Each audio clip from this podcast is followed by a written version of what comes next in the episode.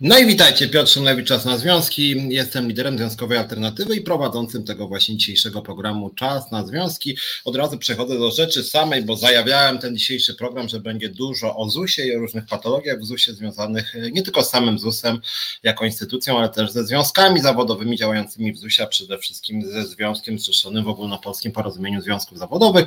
E, w związku z tym, że sam w ZUS-ie nie pracuję i nie jestem tam bezpośrednio działaczem, jestem liderem centrali, ale działa tam nasz związek zawodowy, którego liderką jest Ilona Garczyńska i właśnie Ilona z nami dzisiaj jest, więc witaj, witaj Ilono. Witam, dzień dobry, cześć. No, witam, witam. Jeszcze tylko uzupełnię. Ilona jest liderką Związkowej Alternatywy w Zakładzie Ubezpieczeń Społecznych. Przy okazji jest wiceprzewodniczącą Związkowej Alternatywy jako centrali.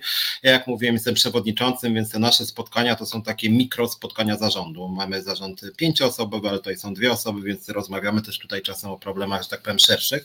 E, zazwyczaj, jak przywykliście, zaraz, jak zwykle, zaraz dam głos, e, oddam głos Ilonie, ale takie krótkie wprowadzenie. Zazwyczaj, jak zauważyliście, mówimy o problemach pracowników ZUS-u o naszych oczekiwaniach, żądaniach, o naszych e, postulatach, naszych sposobach walki. Dzisiaj też trochę o tym powiemy, natomiast tak jak zajawiałem nawet dzisiejszy program, chcieliśmy też trochę powiedzieć o patologiach e, innych związków zawodowych działających w ZUS-ie. Największy związek zawodowy pracujący w ZUS-ie to jest Związek Zawodowy Pracowników Zakładu Ubezpieczeń Społecznych, to jest związek zrzeszony w OPZZ, będący częścią OPZZ-u.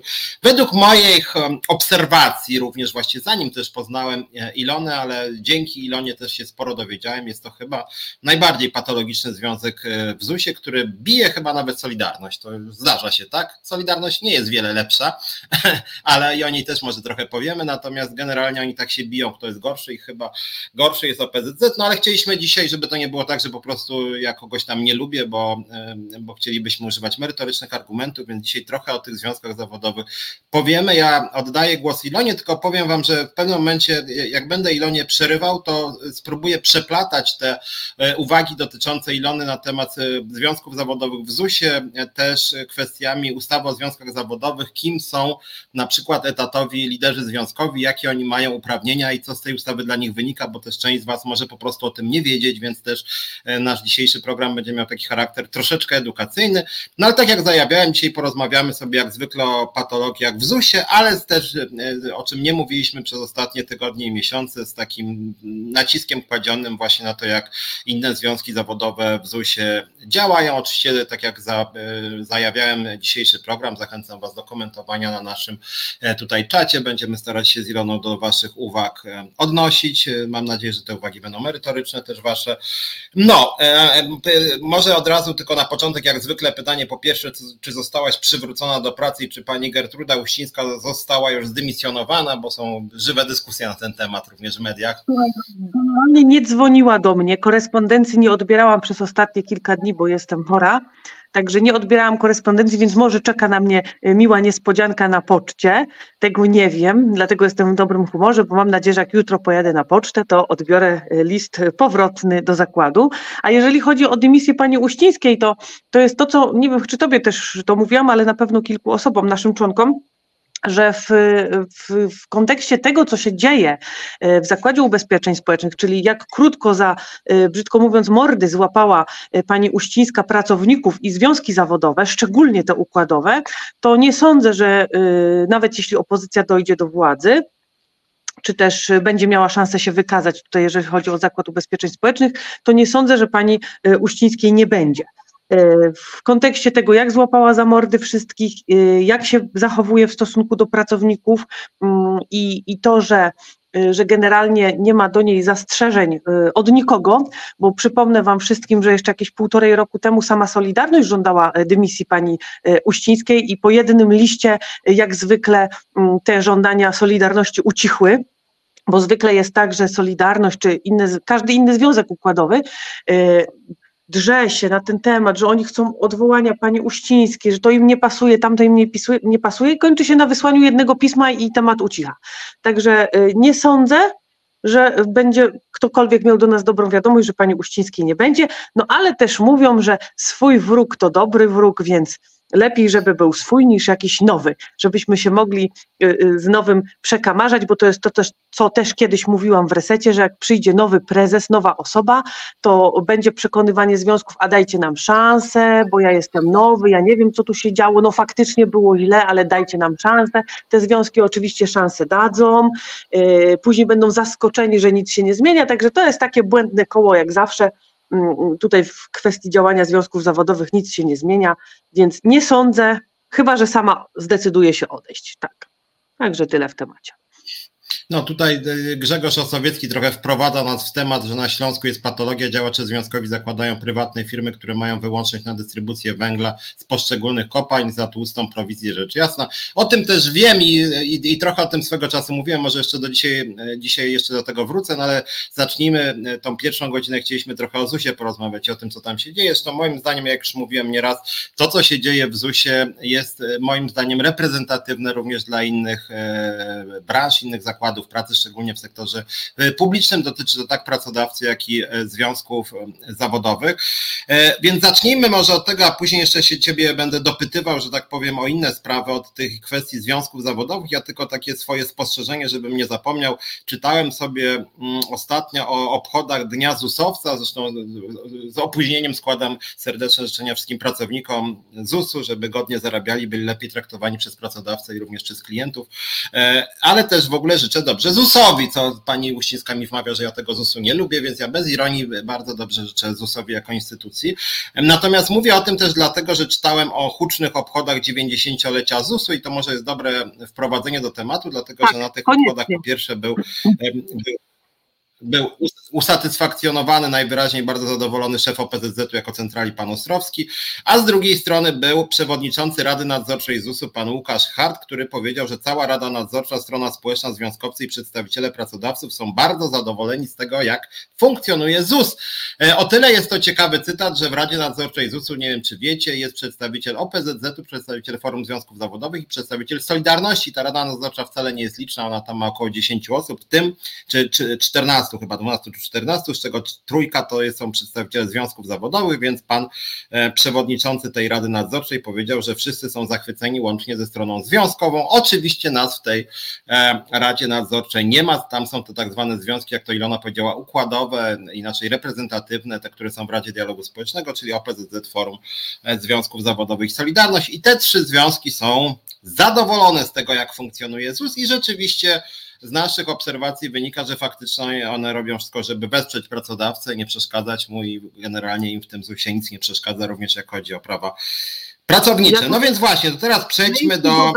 Jeszcze do nie tego... przejdźmy, bo jeszcze dodam, jeżeli chodzi o Radę Nadzorczą, to wysyłała, wysłałam już do nich kilkadziesiąt, kilkadziesiąt maili e, z tym, co robi centrala czyli jakie błędy popełnia, że nie, nie, nie odpowiada na pytania. Ja zadaję pytanie o, o A, oni mi o, o B, zadaję pytanie, na jakiej podstawie, mm, na jakiej podstawie przydzielają miejsca parkingowe w konkretnym, w konkretnym oddziale, a oni mi odpisują, że owszem, mają parking i jest na nim 200 miejsc.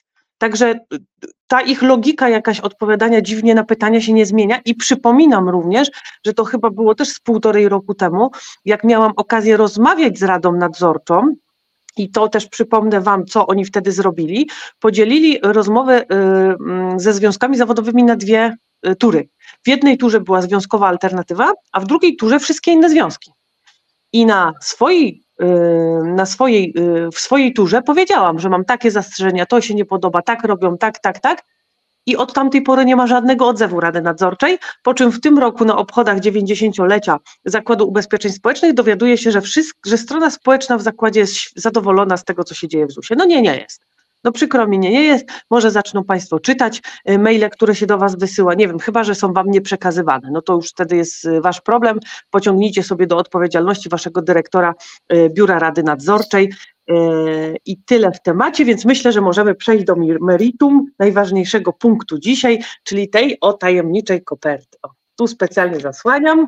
Odciski palców są już ściągnięte, zmazałam je, gdyby ktokolwiek chciał się do tej koperty dorwać. Nikt się nigdy nie dowie, od kogo to dostałam, ale zaraz Wam powiem, co było w tej kopercie. Więc chyba nagle powinnam w pierwszej kolejności się zwrócić do członków z Związku Zawodowego Pracowników ZUS, bo to dotyczy y, przede wszystkim waszego związku. Dokumenty, które posiadam w tej kopercie dotyczą waszego związku, ale Ważną rzeczą jest to, że jeden ze związków układowych również wywodzi się z ZZP, więc podejrzewam, że tam dzieją się e, podobne rzeczy i w kolejnym związku na pewno e, też takie rzeczy się dzieją. Dzisiaj się będę wspomagać kartkami, także nie bądźcie, nie bądźcie źli, że też nie patrzę prosto w kamerę, ale będę też zerkać na dół, e, bo chciałabym tutaj to wszystko dobrze przekazać. Więc w miesiącu wrześniu odebrałam kopertę, to było mniej więcej w połowie września i to też był taki dziwny zbieg okoliczności, yy, więc ta koperta chyba musiała do mnie dotrzeć, bo yy, ja zwykle jak idę na pocztę, to odbieram tych listów kilka, kilkanaście czasami, bo ja sobie chodzę raz w tygodniu i po prostu odbieram wszystko, co tam do mnie jest. Yy, więc pewnego dnia odebrałam kilka, kilkanaście listów, już nie pamiętam ile ich tam było i generalnie wyszłam. Ale wtedy tej koperty jeszcze nie było. I przy okazji dwa dni czy trzy dni później poszłam na pocztę i przy okazji wysyłki listu pani powiedziała, że ostatnio nie wzięłam jakiejś koperty. I ona mi ją po prostu dała, że ja, ja podpisałam, że ją odebrałam, ale ona mi dała tą kopertę, że ona jest. No i w sumie ją otworzyłam, byłam w sumie zdziwiona, bo ta koperta tak dość dziwnie y, wyglądała. No i aż za, złapałam się za głowę, przeczytawszy, co tam, co tam w tym kopercie jest i co się znajdowało w kopercie. W kopercie znajdowała się uchwała Zarządu Głównego ZZP ZUS z października 2018 roku, która przyznaje dietę przewodniczącemu Związku Zawodowego Pracowników ZUS z tytułu, i tu uwaga, pełnienia funkcji społecznej. Czyli z tytułu pełnienia funkcji społecznej przewodniczący Związku Zawodowych e, od, do, e, została mu przyznana, była podjęta uchwała o przyznaniu diety w wysokości 1000 zł miesięcznie w czasie trwania tam kadencji na lata 2018-2022. I ta uchwała była oznaczona numerem, e, numerem, numerem 27 łamane na ZG. To jest raz. Kolejną rzeczą, która tam była, to było przyznanie diet dla przewodniczącego związku oraz przewodniczącego Głównej Komisji Rewizyjnej w kwocie 150 zł a dla pozostałych członków 100 zł za posiedzenia władz i organów statutowych komisji problemowych związku oraz za udział w spotkaniach z oddziałowymi organizacjami związku i pracodawcą. I to była uchwała też z 26 października 2018, 4 łamane na ZG. I teraz, y, żeby uzmysłowić Wam, co to znaczy, to znaczy tyle, że jeżeli Wasz oddział odwiedza członek zarządu głównego, to z tego tytułu przysługuje im dieta. I taką samą sytuacją, czyli prawo do diety, przysługuje wszystkim członkom, którzy reprezentują związek na spotkaniach z pracodawcą. I teraz e, zupełnie odrębną kwestią jest to, że ci ludzie, którzy pobierają sobie diety z, z własnego związku, otrzymują od pracodawcy dietę za udział w takich spotkaniach z pracodawcą. Na podstawie stosownego rozporządzenia ministra infrastruktury.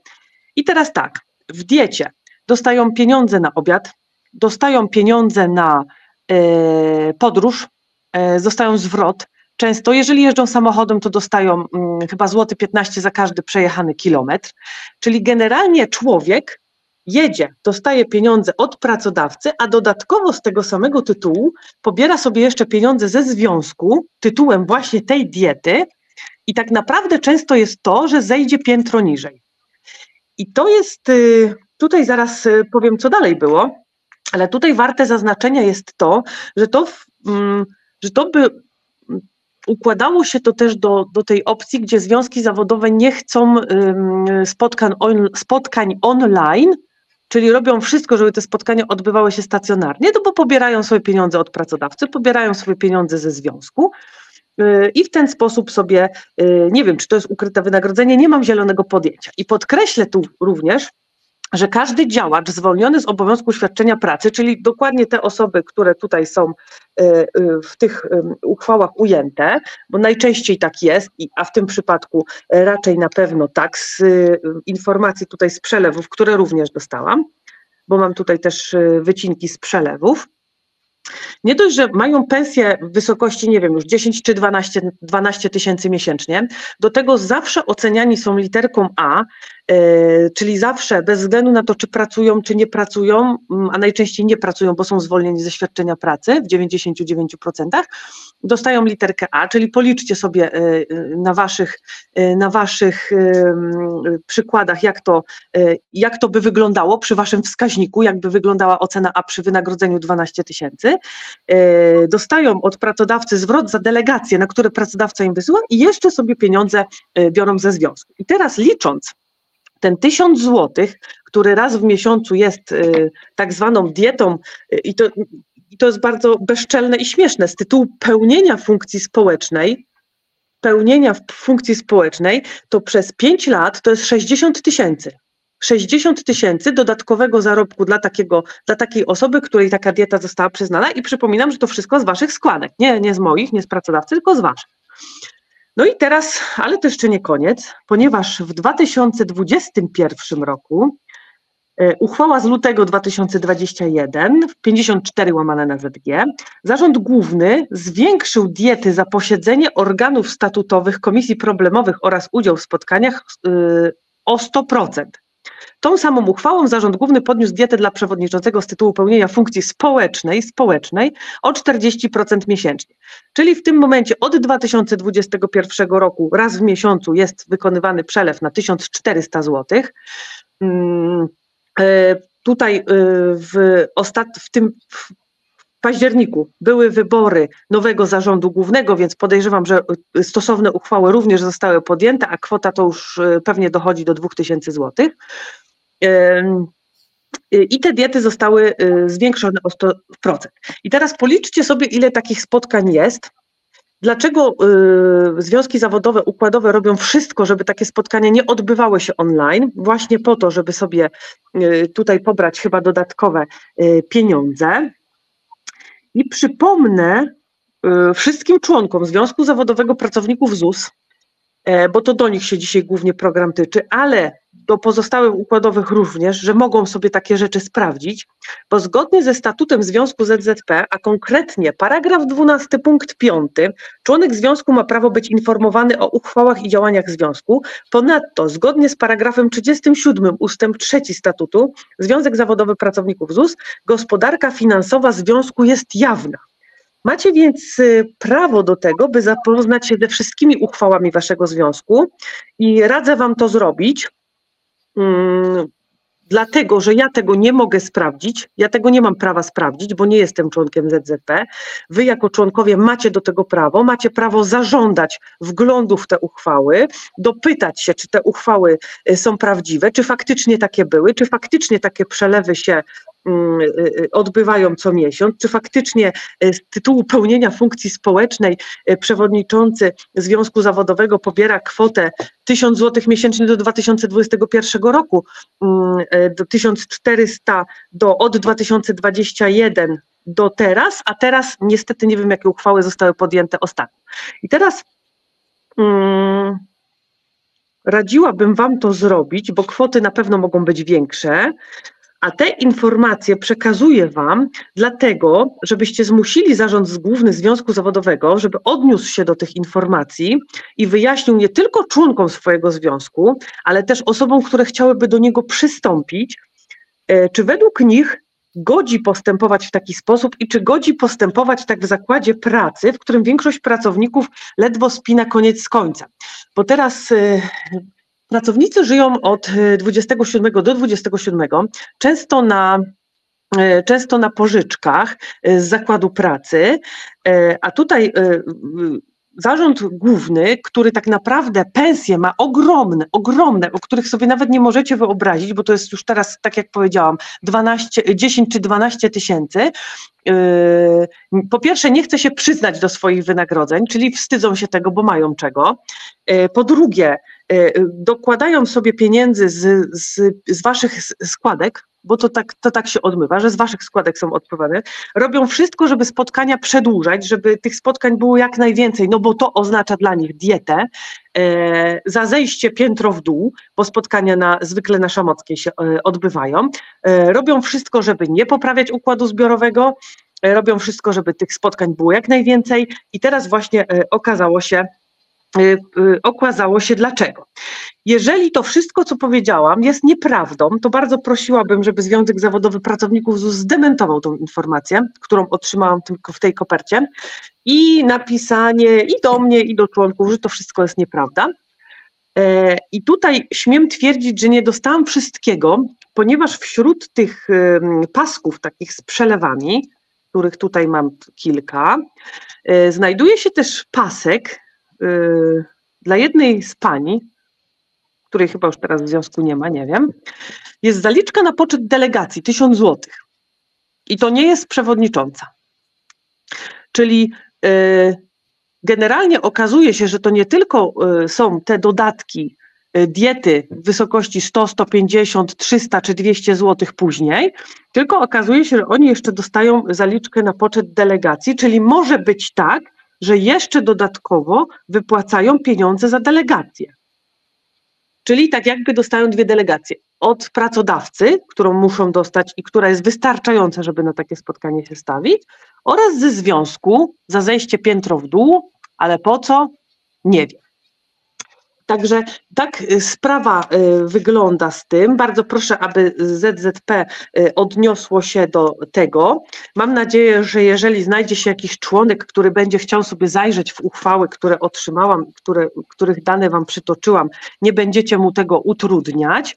Mam nadzieję, że wykażecie się przed pracownikami, przed swoimi członkami i osobami, które chciałyby do Was dołączyć, um, uczciwością i powiecie im naprawdę, jak to jest I może w końcu odpowiecie na pytanie członkom, w jakiej wysokości macie zarobki, zawsze dostajecie literę A, mm, teraz już będzie y, bardzo, do, bardzo dobre, mm, teraz już będą zmienione na oceny bardzo dobre.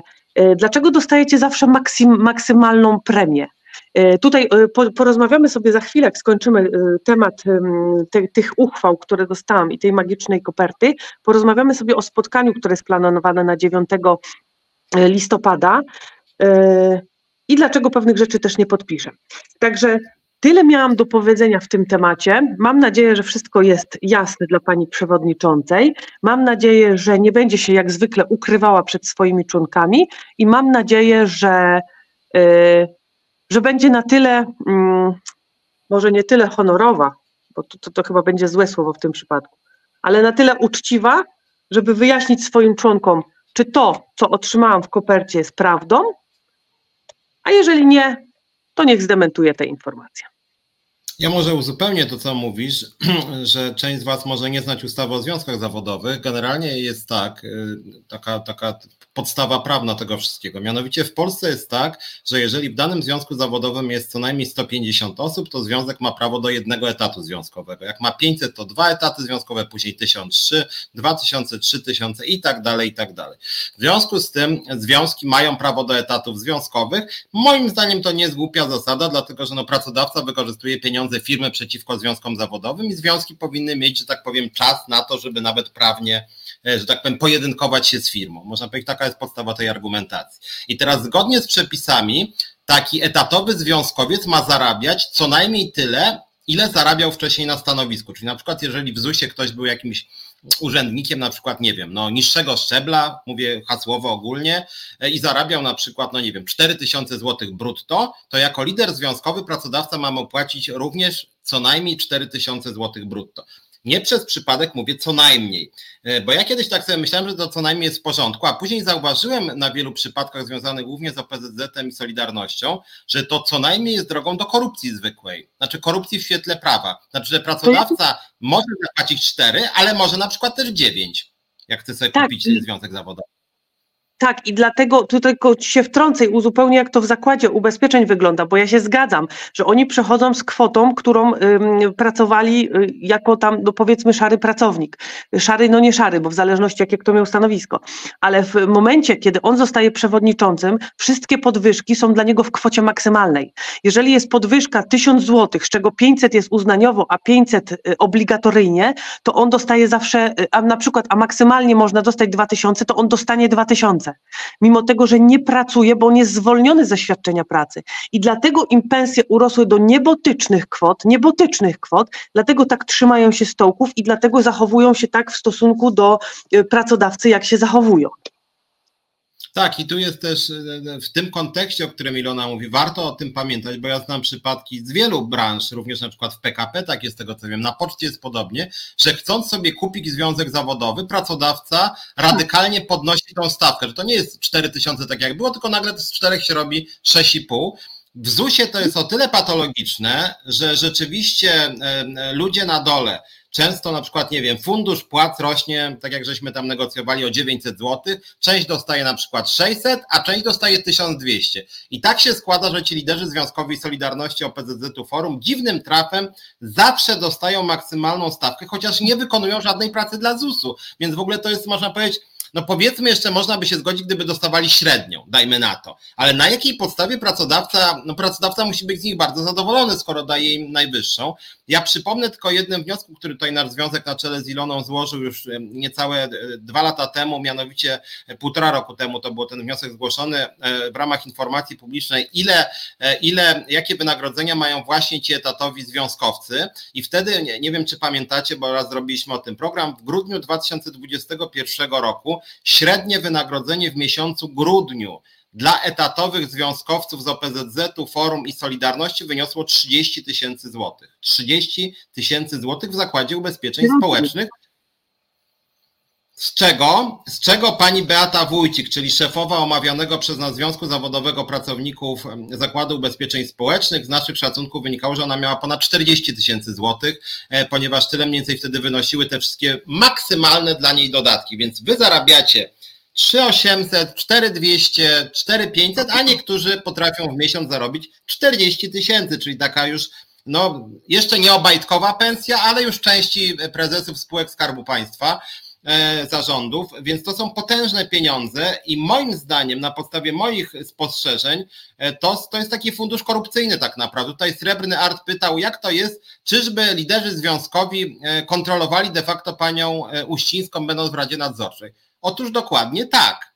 OPZZ, Forum i Solidarność są w Radzie Nadzorczej, więc nie tylko teoretycznie, ale praktycznie mają nie tylko prawo, ale wręcz obowiązek kontrolować panią Uścińską. I obecna tu Ilona Garczyńska pisała do nich, jak mówiła, kilkadziesiąt razy, ja pisałem do nich bodaj cztery razy jako lider centrali, nigdy niczym nie odpowiedzieli, nigdy nie wsparli pracowników, nigdy w żadnej mierze nie, nie, nie sprzeciwili się polityce pani Uścińskiej, nigdy nie wystąpili z wnioskiem, że na przykład warto byłoby podnieść pensję pracownikom o więcej niż, niż pani Uścińska by chciała, że, że na przykład warto by udoskonalić sprzęt czy cokolwiek innego. I, i właśnie na tym obchodach 90-lecia ZUS-u e, szef Rady Nadzorczej powiedział, że również strona związkowa jest zachwycona polityką ZUS-u, więc tutaj również można powiedzieć, e, te e, związki reprezentatywne mają naprawdę możliwość kontroli zarządu ZUS-u i nacisku, żeby ludzie lepiej zarabiali i po prostu nic takiego rzeczywiście nie robią, więc są w Radzie Nadzorczej i, no i nic z tego zupełnie nie wynika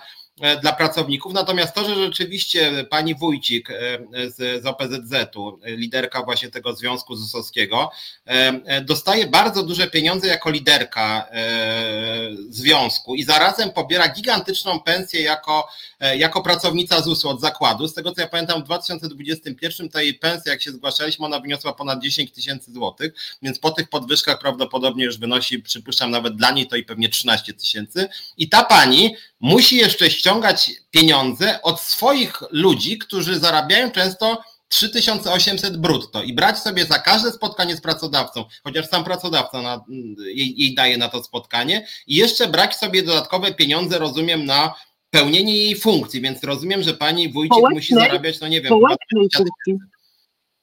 Społecznej. Tak, tej społecznej musi co najmniej mieć, nie wiem, 20 tysięcy chyba, no to jest moim zdaniem jednak, e, moim zdaniem to jest szokujące. Zresztą mi się przypomina taka jeden mój trend, że jak ja kiedyś e, podobne, że tak powiem, śledztwa prowadziłem w OPZZ, to obecny lider Konfederacji Pracy, pan Michał Lewandowski, który był ówczesnym wiceszefem Rady Wojewódzkiej OPZZ Mazowsze, Konfederacja Pracy płaciła składkę wspierającą 2,5 tysiąca złotych miesięcznie do OPZZ Mazowsze i OPZZ Mazowsze wypłacało pana Lewandowskiemu co miesiąc drugą pensję czy trzecią w wysokości 2000, a później 1500 przez lata całe, e, a on nic nie robił zupełnie. Czyli można powiedzieć, on ze swojego związku od ludzi pracy brał, e, płacił w imieniu związku na OPZZ Mazowsze duże pieniądze, 2000 zł i później do jego prywatnej kieszeni e, szło 1500 e, zł, więc, e, więc ja mam wrażenie, że to jest w ogóle jakaś taka metoda części ludzi z OPZZ-u, zresztą ten pan Lewandowski zarabiał również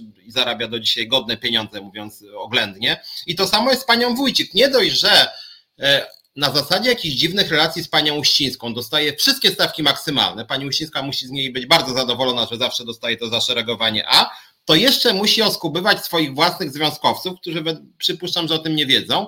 E, oni płacą ze swoich własnych składek dodatkowe pieniądze. To jest po prostu niesamowite zupełnie, że ludzie są aż tak łasi na pieniądze w ogóle.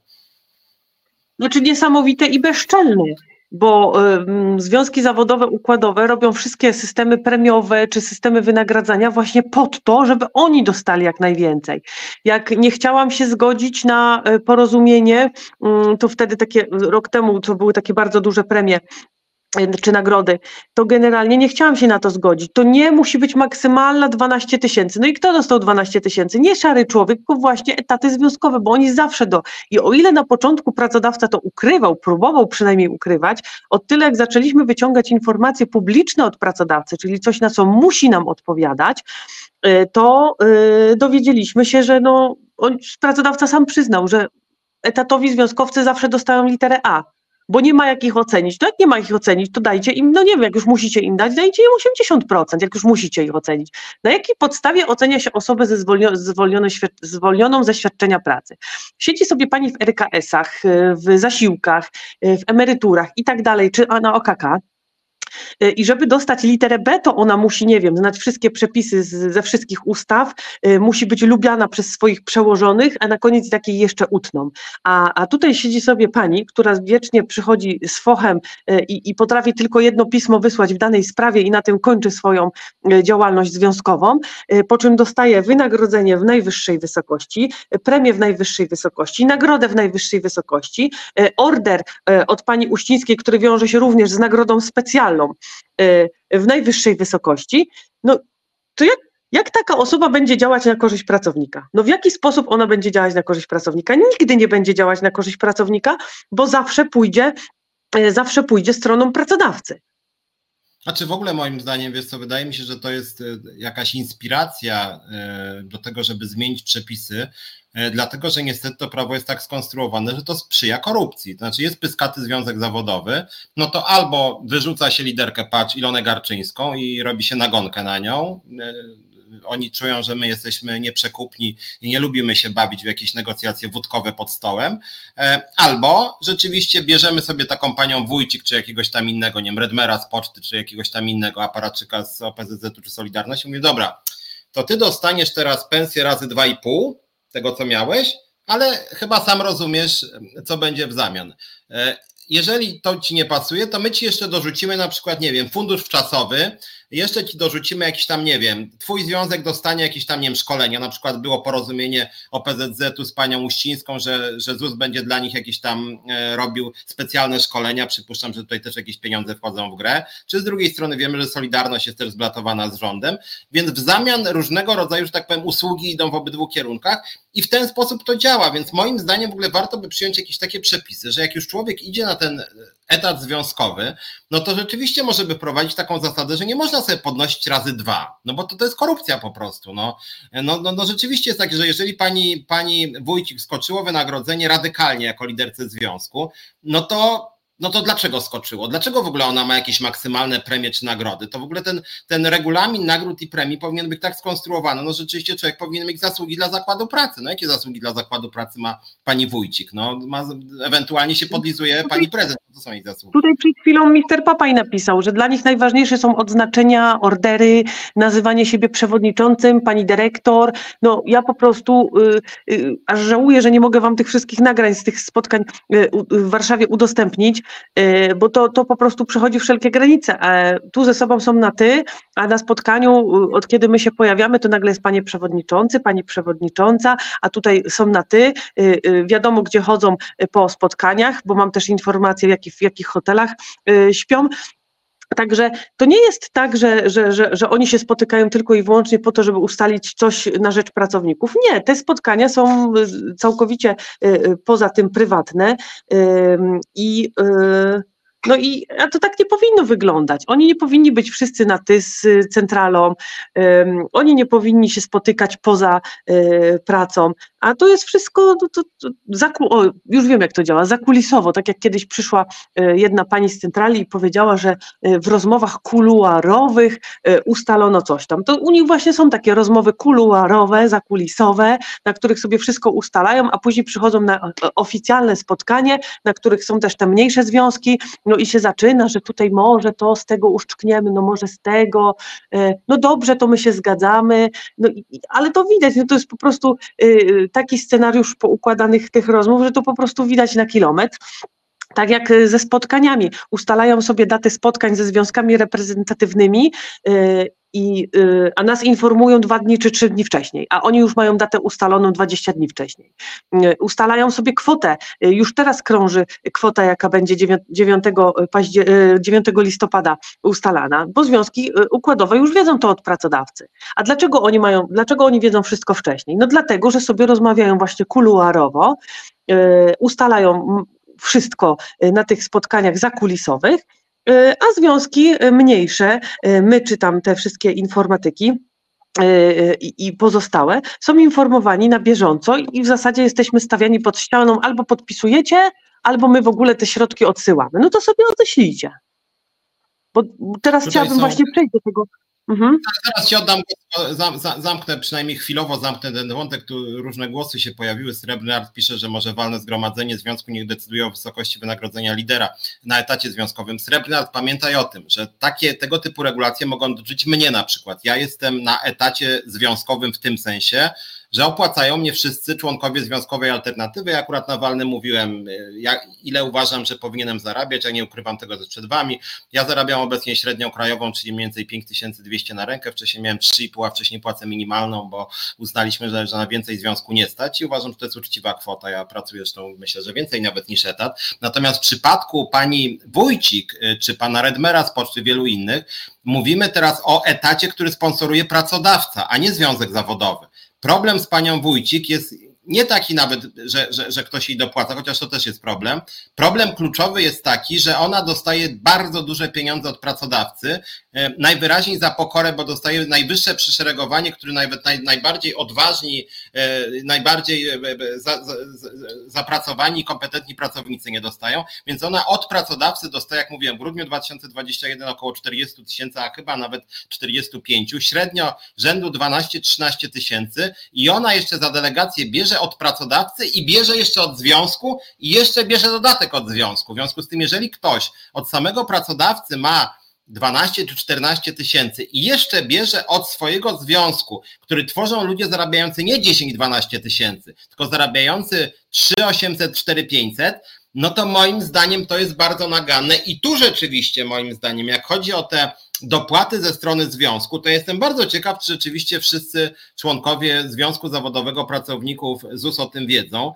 E, bo jak wiedzą, okej, może oni tak chcą rozdawać swojej przewodniczącej, przewodniczącej e, pieniądze dodatkowo, ale wątpię, żeby oni o tym wiedzieli. Tym bardziej, że, że, że myśmy rzeczywiście długo się musieli starać, zanim wydobyliśmy od pracodawcy, e, ile zarabiają ci etatowi liderzy związkowi. Jeżeli oni by nie mieli nic do ukrycia, to niech pani Wójcik i Związek tak OPZZ-owski, jak i Solidarności powie, ile ci ludzie zarabiają miesięcznie, ile biorą od związku i będzie spoko. Ja jestem, jak wiecie, za jawnością płac i uważam, że szczególnie w sektorze publicznym to jest bardzo uczciwa zasada, a niestety państwo e, z OPZZ-u, Solidarności czy Forum, no tej zasady, że tak powiem, nie podzielają, chociaż biorą sobie pieniądze stąd, stąd i jeszcze stąd, tak żeby razem się sumowało na z tego, co sobie liczę szybko w głowie, rzędu 20 tysięcy złotych miesięcznie, czyli to jest taka prezesowska, e, prezesowska e, pensja. E, I rzeczywiście dla mnie jest bulwersujące i to jest chyba też pytanie właściwie, może zadamy w kolejne turze w ramach informacji publicznej, chociaż chyba na to pracodawca nie chciał nam odpowiedzieć.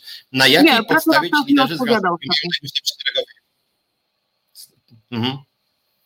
Odpowiadał wtedy? Ostatnio, pracodawca już ostatnio zaczyna nam nie odpowiadać pod byle pretekstem.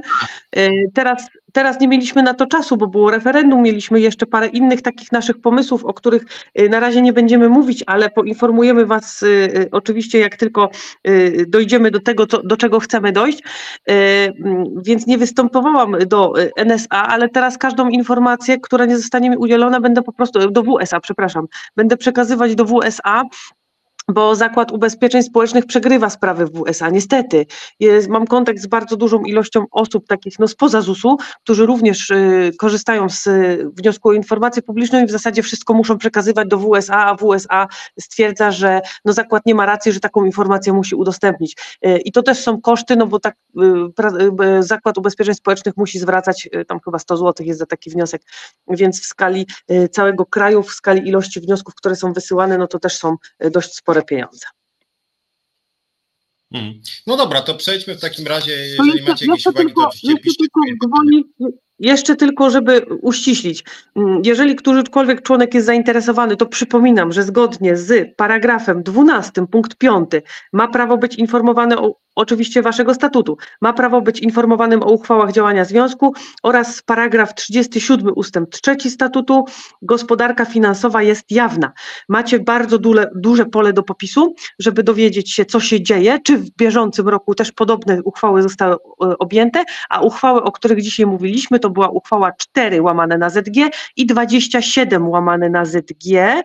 I jeszcze była trzecia 54 na ZG z 2021 ale jeżeli chodzi o rok 2018, to zobacz, że tam pomiędzy czwórką a dwudziestką siódemką było jeszcze 23 uchwały podjęte i pewnie jeszcze coś później.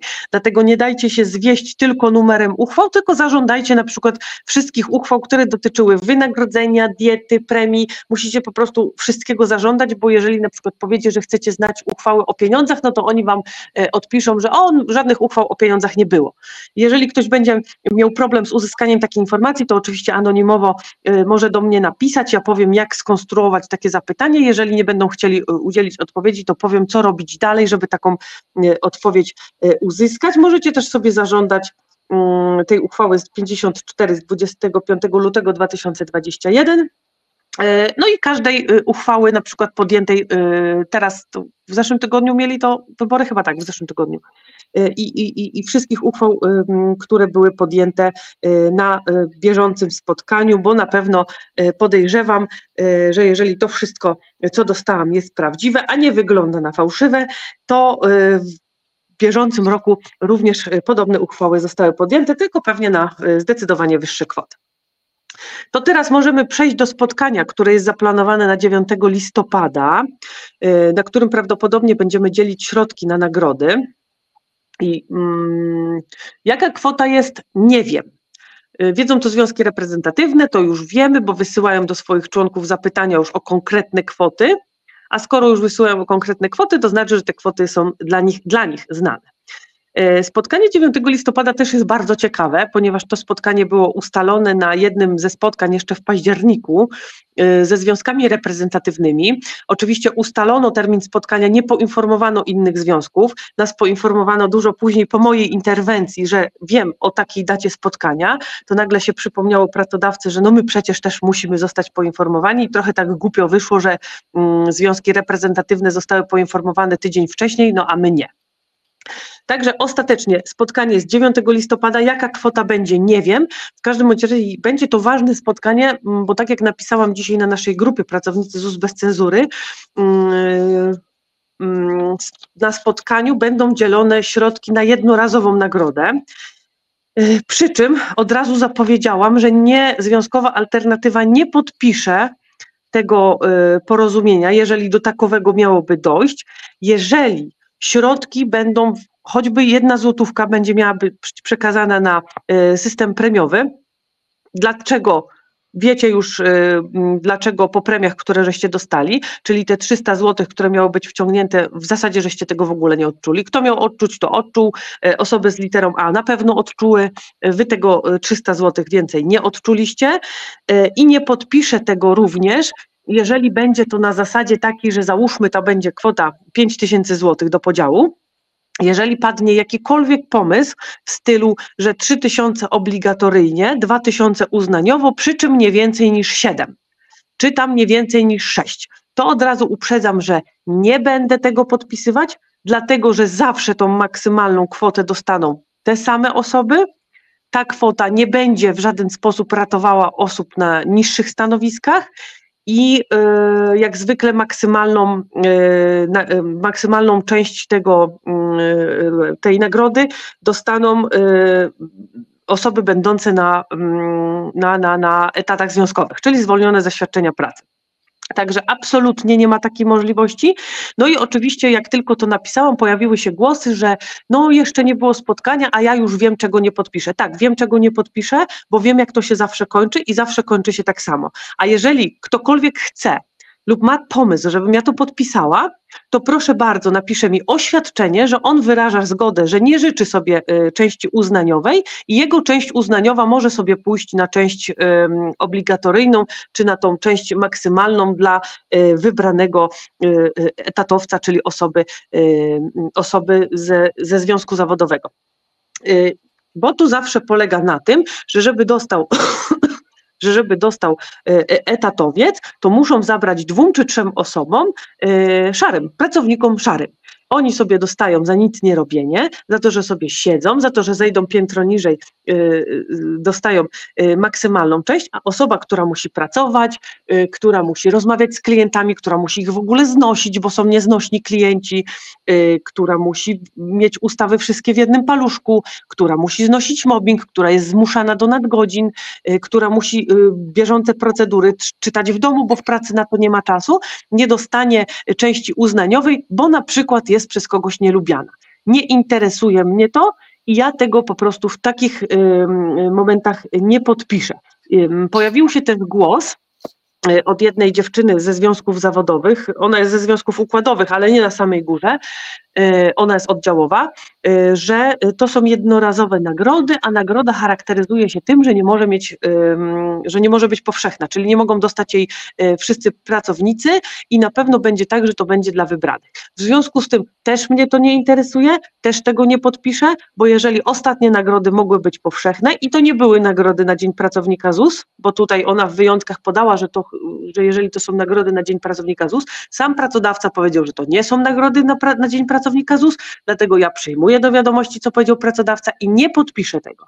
Także y, mam nadzieję, że do y, centrali, która na pewno nas dzisiaj ogląda i do przewodniczących związków zawodowych dotarło, i nie będą próbować jakichś dziwnych sztuczek jak zwykle, że y, no podpiszcie, bo te pieniądze wrócą, przecież nam nikt nie da, to niech wrócą. Albo sobie załatwcie to sporem zbiorowym, tak jak potraficie to zrobić, y, wykluczcie nas, y, napiszcie sobie w 10 związków spór zbiorowy, zawiążcie sobie ten spór, dwie godziny później go rozwiążecie, bo podpiszecie z pracodawcą na miejscu. Przygotujcie już sobie po prostu kartki, żeby tego nie przedłużać na dwa dni, tylko załatwcie to na jednym spotkaniu, będzie po prostu szybciej. A później możecie iść do swoich członków i powiedzieć, jakimi to jesteście bohaterami, bohaterami, jak to nie uratowaliście pieniędzy, które związkowa alternatywa nie chciała wziąć. Bo alternatywa e, nie weźmie tych pieniędzy, na waszych zasadach i na zasadach pracodawcy. Alternatywa weźmie te pieniądze, kiedy to będzie w miarę uczciwe, bo nigdy nie będzie uczciwie, kiedy to będzie w miarę uczciwie i kiedy będzie miała pewność, że zdecydowanej większości tych pieniędzy nie przygarną etatowi związkowcy, którzy nie robią nic dla pracowników. Także tyle w sprawie spotkania. Y, 9 e, listopada.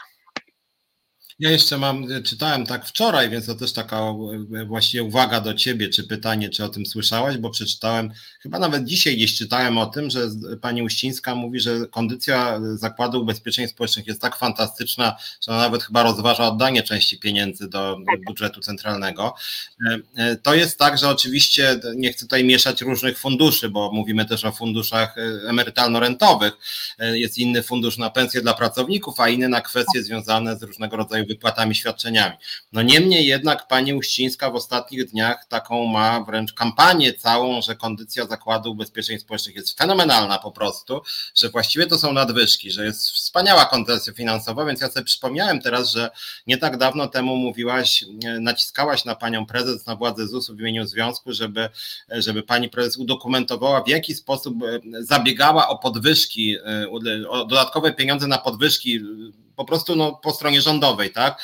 No i właśnie teraz rozumiem, że pani Uścińska no, ma okazję, bo sama de facto te środki ma, dysponuje nimi, więc właściwie rozumiem, że ona mogłaby się po prostu jakoś porozumieć z rządem, że jeżeli jest tak dobra kondycja Zakładu Ubezpieczeń Społecznych, no to może można było po prostu przekierować część środków na podwyżki, żeby na przykład dorzucić po 5% miesięcznie na podwyżkę dla każdego pracownika ale rozumiem, że tego typu pomysłów na razie nie, tego, nie, nie dowiedziałaś.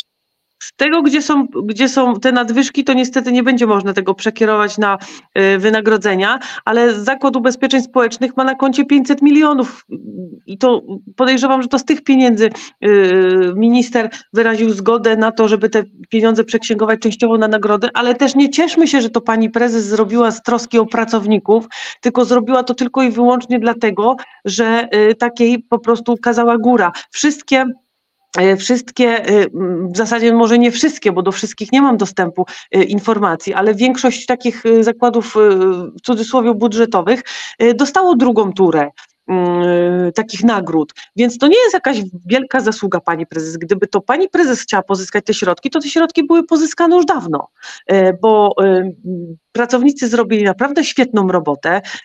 500 plusy, Ukraińcy, wiele, wiele innych rzeczy i wtedy pani prezes nie potrafiła wnioskować, a teraz nagle jej się przypomina, że mogła zawnioskować. To tak nie działa. To, to, to nie jest, że, że pani prezes poszła i dobrą wolę dla pracowników. Gdyby ona chciała mieć dobrą wolę dla pracowników, to zrobiłaby to już dawno tylko dostała po prostu przykaz, bo wiadomo, są wybory, było referendum y, i, podejrzewam, żeby uspokoić nastroje wśród pracowników, wpadł genialny pomysł, bo to są zawsze ich genialne pomysły, żeby y, dać pracownikom jednorazową nagrodę. A co pracownikowi po takiej jednorazowej nagrodzie? Taką jednorazową nagrodę to on w ciągu miesiąca wyda, bo y, mówimy zawsze o kwotach brutto, y, wyda w ciągu miesiąca. W styczniu jeszcze przyjdzie trzynastka, dlatego też się wstrzymujemy z referendum jeszcze, y, bo będziemy je powtarzać. Y, w styczniu będzie trzynastka, ale w lutym już nie będzie nic. Co dostanie pracownik w lutym? Pracownik w lutym dostanie gołą pensję. A na podwyżki gdzie? Dlaczego pani prezes nie poszła i, nie poprosiła? Skoro ona jest tak wspaniała i, i, i teraz jest y, y, peany na jej cześć są pisane, że pani prezes załatwiła. Nic pani prezes nie załatwiła. Te pieniądze są tylko i wyłącznie po to, żeby uspokoić nastroje wśród pracowników. A jaki, to jest to, co powiedziałam na początku, jakikolwiek rząd nie przyjdzie, czy to będzie PiS sobie kontynuował te swoje y, y, wywody, czy, czy PO będzie, czy, czy koalicja, czy nie wiem, konfederacja cudem, no, wszystko mi jedno kto będzie to i tak pieniędzy na podwyżki nie dadzą sami z siebie, dopóki pani prezes się nie postawi temu. A pani prezes się nie postawi, bo tak jak powiedziałam na początku, wszystkich złapała krótko za mordy. Y, do tego dochodzi, że nawet nie przychodzi na spotkania ze związkami zawodowymi. Oni się gdzieś tam spotykają w kuluarach y, bo pani prezes nie ma odwagi. No to, to, to jest pani profesor, która nie ma odwagi. Także nawet szkoda jest y, y, mówić o tym, bo to nie jest prawda. Oczywiście 9 listopada dowiemy się, że pani prezes stała na barykadzie, że walczyła jak lew, że, że bardzo jej zależało, że tyle pism wysłała, a, a, a prawda jest taka, że jak ona wysyła pisma o stanie e, e, wynagrodzeń pracowników, to zwykle to jest 14 stron propagandy, jak to od 2015 roku jest super, strzałki wystrzelone do góry, informacje o tym, że niedawno były historyczne podwyżki i później sobie wszyscy wycierają gębę właśnie tymi porozumieniami. Później związki zawodowe się dziwią, dlaczego ja nie chcę podpisywać tych niekorzystnych porozumień, bo właśnie dlatego, że wszyscy sobie tymi porozumieniami gębę wycierają, bo to Mówię już po raz kolejny, że y, później idzie y, związek zawodowy do jakiegoś posła, y, mówi: Słuchaj, my źle zarabiamy, potrzebujemy więcej pieniędzy, a poseł wyciąga porozumienie. No ale, ale tu masz historyczne podwyżki, no sam podpisywałeś, no czyj to podpis jest, no czyj to podpis jest. I później sobie właśnie takie gęby y, takimi porozumieniami wycierają. Y, I, i, a jak pracodawca później wypisuje do pracowników, to nie jest, że słuchajcie, wiemy, że nisko zarabiacie, tylko ej, no słuchajcie, no przecież dostaliście tutaj 300 złotych podwyżki, to było porozumienie 10 z 11 związków zawodowych, 10 z 11, żeby podkreślić wagę tego, jak to porozumienie jest ważne. I y, no przecież sami chcieliście, no podpisaliście, no to co wy jeszcze chcecie? To po co podpisywać porozumienie, które nie zaspokaja potrzeb? Bo właśnie jest zawsze wtedy tak, bo odeślą te pieniądze. No to niech odeślą, to niech odeślą i proślą więcej. No w czym jest problem?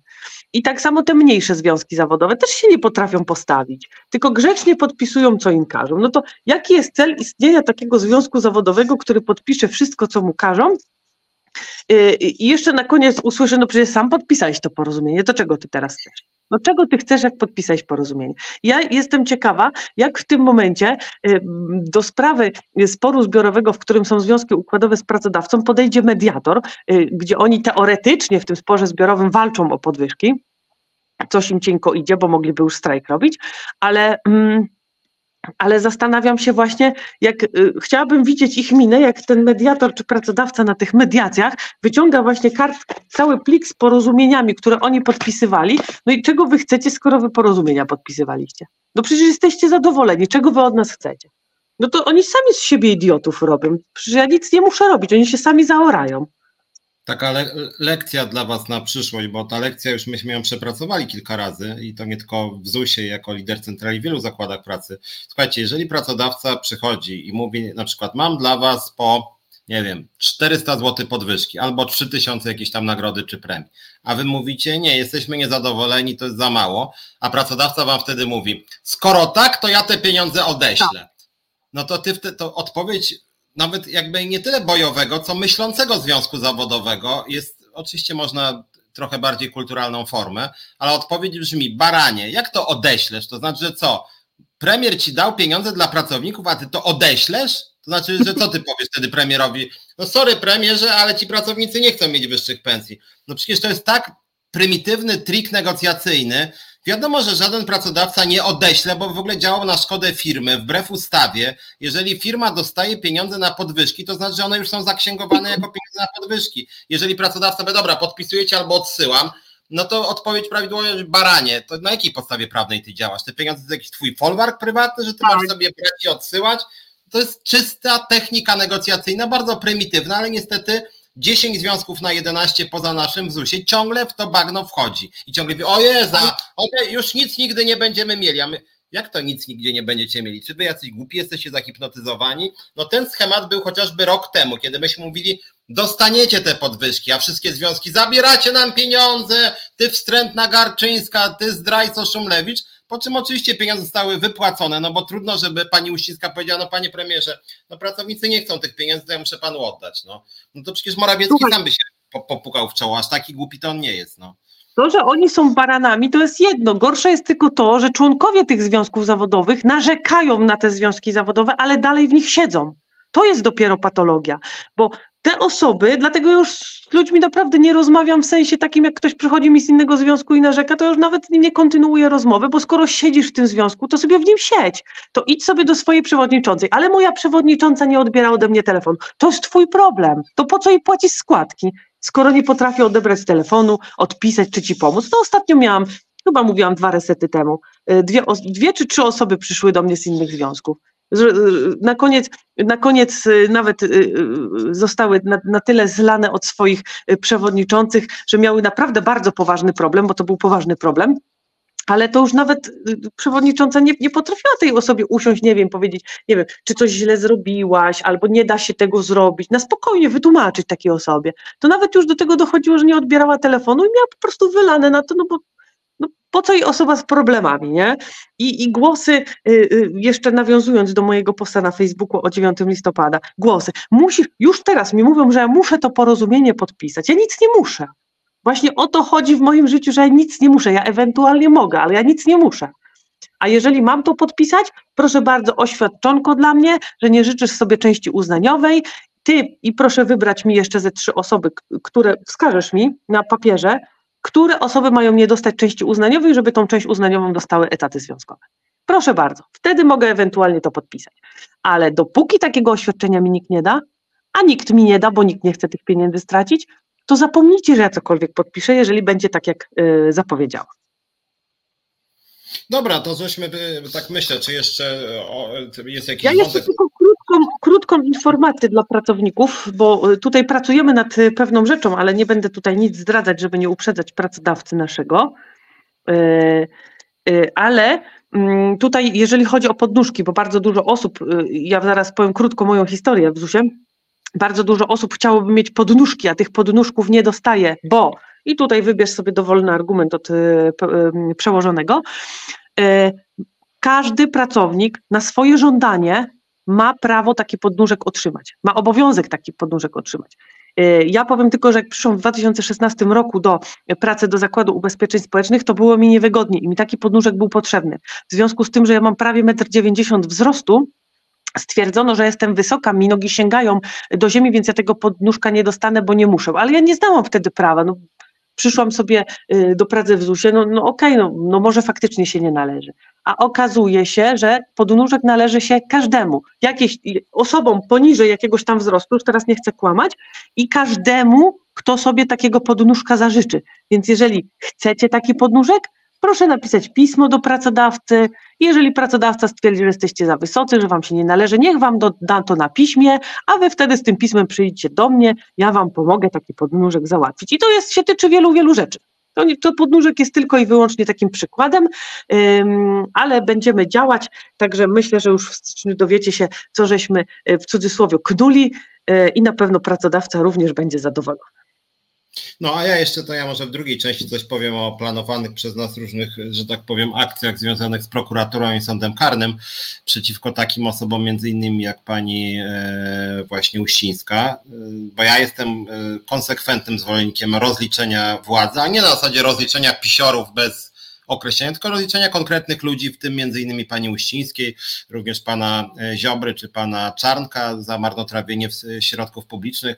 To są e, nasze wspólne środki. Ja na serio traktuję to, że ja płacę podatki i te podatki moje są, idą na bardzo konkretne rzeczy. I w momencie, kiedy moje podatki jako Piotra Szumlewicza czy Ilony Garczyńskiej tysięcy naszych członków i członki idą na to, że na przykład pani Uścińska pozywa liderów związkowych za jakieś wymyślone przez siebie e, historie, historię, że na przykład te pieniądze idą dla jakichś znajomych królika, że pieniądze idą na właśnie jakichś e, zblatowanych z zarządami spółek czy, czy instytucji liderów związkowych, to ja uważam, to jest rozkradanie państwa, to jest okradanie mnie również jako obywatela i ja tego przyznam że nie odpuszczę jako lider związku, jako po prostu obywatel, bo to e, za przeproszeniem cholery można dostać, że właśnie pani Uścińska e, z pieniędzy ZUS-u robi to, co robi. No ja przypomnę Wam tylko, kończąc tą pierwszą część programu, że my z Iloną mamy cztery procesy, dwa cywilne, dwa karne, dlatego że pani Uścińska uznała, że myśmy rzekomo obrazili ZUS, chociaż my co tydzień, wy tego słuchacie, my jesteśmy największymi obrońcami ZUS-u w Polsce de facto. My właściwie o ZUS-ie mówimy wyłącznie pozytywnie, jesteśmy pełni uznania i szacunku dla wszystkich pracowników ZUS-u, Jesteśmy pełni szacunku dla ZUS-u jako instytucji, która, która wypłaca rentę, emerytury 500, która zajmuje się prawami migrantów i tak dalej, i tak dalej. To jest wszystko w ogóle w programie i statucie Związkowej Alternatywy. Więc wcale nie chodzi o to, że my obrażamy ZUS, tylko po prostu ego Uścińskiej zostało dotknięte i przez to pani Uścińska postanowiła wydać tu nie wiadomo ile pieniędzy, bo w ramach informacji publicznej pani Uścińska nie chce nam powiedzieć, ile kosztują procesy przeciwko nam.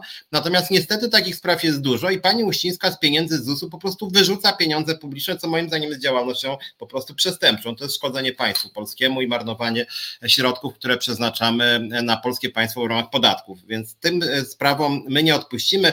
Więc jeszcze po przerwie chciałem trochę powiedzieć tam o przepisach, na podstawie których można mm, iść do sądu czy do prokuratury przeciwko przeciwko takim ludziom jak pani Uścińska. Natomiast tak podsumowując też ten program, bo wiem, że trochę e, ludzi z ZUS-u nas ogląda i również nie tylko ze Związkowej Alternatywy, e, ja oczywiście Was serdecznie zapraszam do naszego związku. Jest tutaj z nami e, Ilona. Ilona ma publicznie dostępny mail ilomałpaopek.pl. Ten mail jest taki, jaki jest z tego względu, że pani Uścińska jakiś czas temu wyrzuciła ją z pracy i nie chciała. Ten komentarz, ten komentarz. E, więc, więc, więc, więc zapraszam Was, piszcie na ilomałpaop.pl, a jeżeli chcecie centralnie, to piszcie na biuro małpa za.org.pl. Z tego drugiego maila również wszystko zostanie przekierowane na pracowników, na członków zarządu ZUS-u i oni Wam powiedzą, w jaki sposób się do nas zapisać, więc serdecznie Was zapraszam w nasze szeregi, a w drugiej części programu też chętnie jeszcze powiem o finansach związkowej alternatywy, bo my akurat totalnie nic nie mamy do ukrycia, e, nie mamy i co do Nie dostanę koperty, nie dostanę koperty na ciebie. Wszystkie koperty ma, że tak powiem, w garści. E, więc, więc, więc, więc u nas nasze konto jest zupełnie, że tak powiem, przejrzyste. Żadnych niespodzianek tam nie ma. E, wpływy mamy wyłącznie ze składek członkowskich, ze zbiórek. Zresztą zachęcam Was do e, wspierania też naszej zbiórki, ale może o tym też powiem w drugiej części programu. No i tak jak mówię, no zapraszam Was, żebyście nas wstępowali. My dzisiaj nie mówiliśmy praktycznie nic o tym, czego się spodziewamy po nowej władzy, bo też się chyba niczego nadmiernego nie spodziewamy. E, niestety, mówię to z bardzo dużą przykrością. Ja szczerze życzyłem PiSowi porażki wyborczej i głosowałem tak, żeby PiS tą władzę stracił. Niemniej jednak, jak chodzi o instytucje takie jak ZUS, to póki co no, nie mamy specjalnie powodów do optymizmu, powiem tak. Chociaż liczymy oczywiście na to, że e, takie osoby jak pani Uścińska, no władzę jednak w ZUS-ie stracą, bo to aż byłoby, no takiej aż kompromitacji mimo wszystko się nie spodziewam, chociaż kto wie. Piszcie też tutaj Wioleta, pisze wioleta.gromadzińska małpazus.pl. Wioleta też jest członkinią zarządu naszego związku w Zakładzie Ubezpieczeń Społecznych. Ona też będzie przyjmować wasze deklaracje, więc też do niej piszcie. No, to bardzo Ci Ilona dziękuję. Dziękuję, zostańcie jeszcze na drugą część, koniecznie. Drugiej części też trochę powiem jeszcze o ZUS-ie i o tym, jak moglibyśmy i jak zamierzamy ścigać prawnie również panią naszą ulubioną Gertrudę Uścińską i innych urzędników pisowskiego państwa. E, będę też mówić trochę o jawności finansowej, będę mówić o tym, co się dzieje, e, a nie za dobrze się dzieje w Kędzierzynie Koźlu, kontynuacja tego, co też wspominałem tydzień temu. Będę też mówić o finansach publicznych i o tym, co władza powinna zrobić, a czego prawdopodobnie nie zrobi ta nowa. Wspomnę też o lektorach języków obcych, w związku z tym tematów jest bardzo dużo, ale piszcie też o swoich jakichś spostrzeżeniach, wątpliwościach. Ja też trochę wiem o ZUS-ie, więc nawet jak tu Ilony nie będzie, to postaram się odpowiedzieć, a jak nie będę będę wiedział, to Ilona do ciebie napisze, żebyś za tydzień czy dwa również odpowiedziała na trudne no, pytania. No, dobra, bardzo Ci dziękuję. Robimy teraz krótką przerwę i potem, i potem wracamy, więc ja sobie z Wami chętnie porozmawiam, również na temat ZUS-u, a póki co robimy krótką przerwę na piosenkę. Myśli i słowa. Właśnie to usłyszycie w programie Piotra Szumlewicza i Wojtka Krzyżaniaka. Redaktorzy nie wykonają jednak piosenki zespołu Bajm, choć zapewniamy, Wielu chciałoby to usłyszeć, szczególnie w takim dwugłosie. W zamian czeka nas złożony, choć podszyty humorem komentarz życia w Polsce i wydarzeń minionego tygodnia. Z jednej strony śmiesznie, z drugiej równie strasznie. Tydzień zleciał, bum. W każdy piątek po 20.30 w resecie obywatelskim. No i wracamy. Piotr Szymlewicz, Czas na Związki. Jestem liderem Związkowej Alternatywy. Jak widzieliście w pierwszej części programu rozmawiałem tu z Joną Garczyńską. Teraz zgodnie z obietnicą, przepraszam, dlatego miałem odwrócony wzrok, bo zerkałem na e, artykuły kodeksu karnego, które sobie otworzyłem i w ramach których, to w oparciu o które e, będziemy myśleć nad wnioskami do sądu karnego i prokuratury przeciwko takim osobom jak pani Gertruda Uścińska, pan Zbigniew Ziobro czy pan Przemysław Czarnek. E, I może tylko sygnalnie, bo oczywiście jak będziemy te wnioski składać, to będziemy Wam o tym szczegółowo mówić. E, artykuł 296 kodeksu karnego to jest wyrządzenie szkody w obrocie gospodarczym. E, kto będąc zobowiązany na podstawie przepisu ustawy, decyzji właściwego organu lub umowy do zajmowania się sprawami majątkowymi lub działalnością gospodarczą osoby fizycznej, prawnej, jednostki organizacyjnej nie mającej osobowości prawnej przez nadużycie udzielonych mu uprawnień lub niedopełnienie ciążącego na nim obowiązku wyrządza jej znaczną szkodę majątkową, podlega karze pozbawienia wolności od 3 miesięcy do lat pięciu. E, e, tutaj jest pojęcie znacznej e, szkody majątkowej i później to jest określenie, że znaczna to jest przekraczająca 200 tysięcy złotych, z tego co pamiętam, tak? I tak, 200 tysięcy, a wielka wartość to jest milion złotych. Jak wiecie, na przykład pan Ziobro zmarnotrawił środki pieniężne w wysokości co najmniej 280 milionów złotych, pan, pan Ziobro 280, pan Czarnek rozdając willę również to były kwoty liczone w dziesiątkach, by nie powiedzieć setkach milionów złotych. Generalnie to jest działanie na szkodę swojej firmy, już mówiąc takim językiem bardziej kolokwialnym, czyli kto szkodzi swojej firmie, ten podlega odpowiedzialności karnej. Tu jest teraz nasza realizatorka wrzuciła linka do, naszego, do naszej zbiórki na fundusz protestacyjny. Tu generalnie chodzi między innymi o to, żebyśmy w oparciu o te przepisy, o których Wam mówię, przygotowywali wnioski do prokuratury czy do sądu karnego, więc to jest zrzutka między innymi na tego typu inicjatywy. Ja znam nieźle prawo pracy, ale prawo karne już nie tak dobrze, w związku z tym będziemy oczywiście musieli korzystać z pomocy prawników, więc bardzo Was prosimy oczywiście o wsparcie naszej zrzutki. Jak mówię, ta zrzutka służy temu, żebyśmy właśnie składali tego typu skargi. Oczywiście na temat wszystkich tych skarg będziemy Was informować w programie, na przykład Czas na Związki i też na stronie Związku Zawodowego. E, I teraz drugi e, artykuł, e, który jest w pewnym sensie w kontekście pani Uścińskiej nawet ważniejszy i już jedną skargę do prokuratury nasz związek w ZUS-ie skierował. Nie wiem, czy pamiętacie, ile ona o tym mówiła kilka tygodni temu. Artykuł 231 kodeksu karnego. Funkcjonariusz publiczny, który przekraczając swoje uprawnienia lub nie dopełniając obowiązków, działa na szkodę interesu publicznego lub prywatnego, podlega karze pozbawienia wolności do lat trzech. Artykuł 230, 231 kodeksu karnego. Jeżeli sprawca dopuszcza się czynu określonego w artykule pierwszym w celu osiągnięcia korzyści majątkowej lub osobistej, podlega karze pozbawienia wolności od roku do lat 10. Jeżeli sprawca czynu określonego w tym paragrafie pierwszym działa nieumyślnie i wyrządza istotną szkodę, podlega grzywnie karze ograniczenia wolności albo pozbawienia wolności do lat dwóch.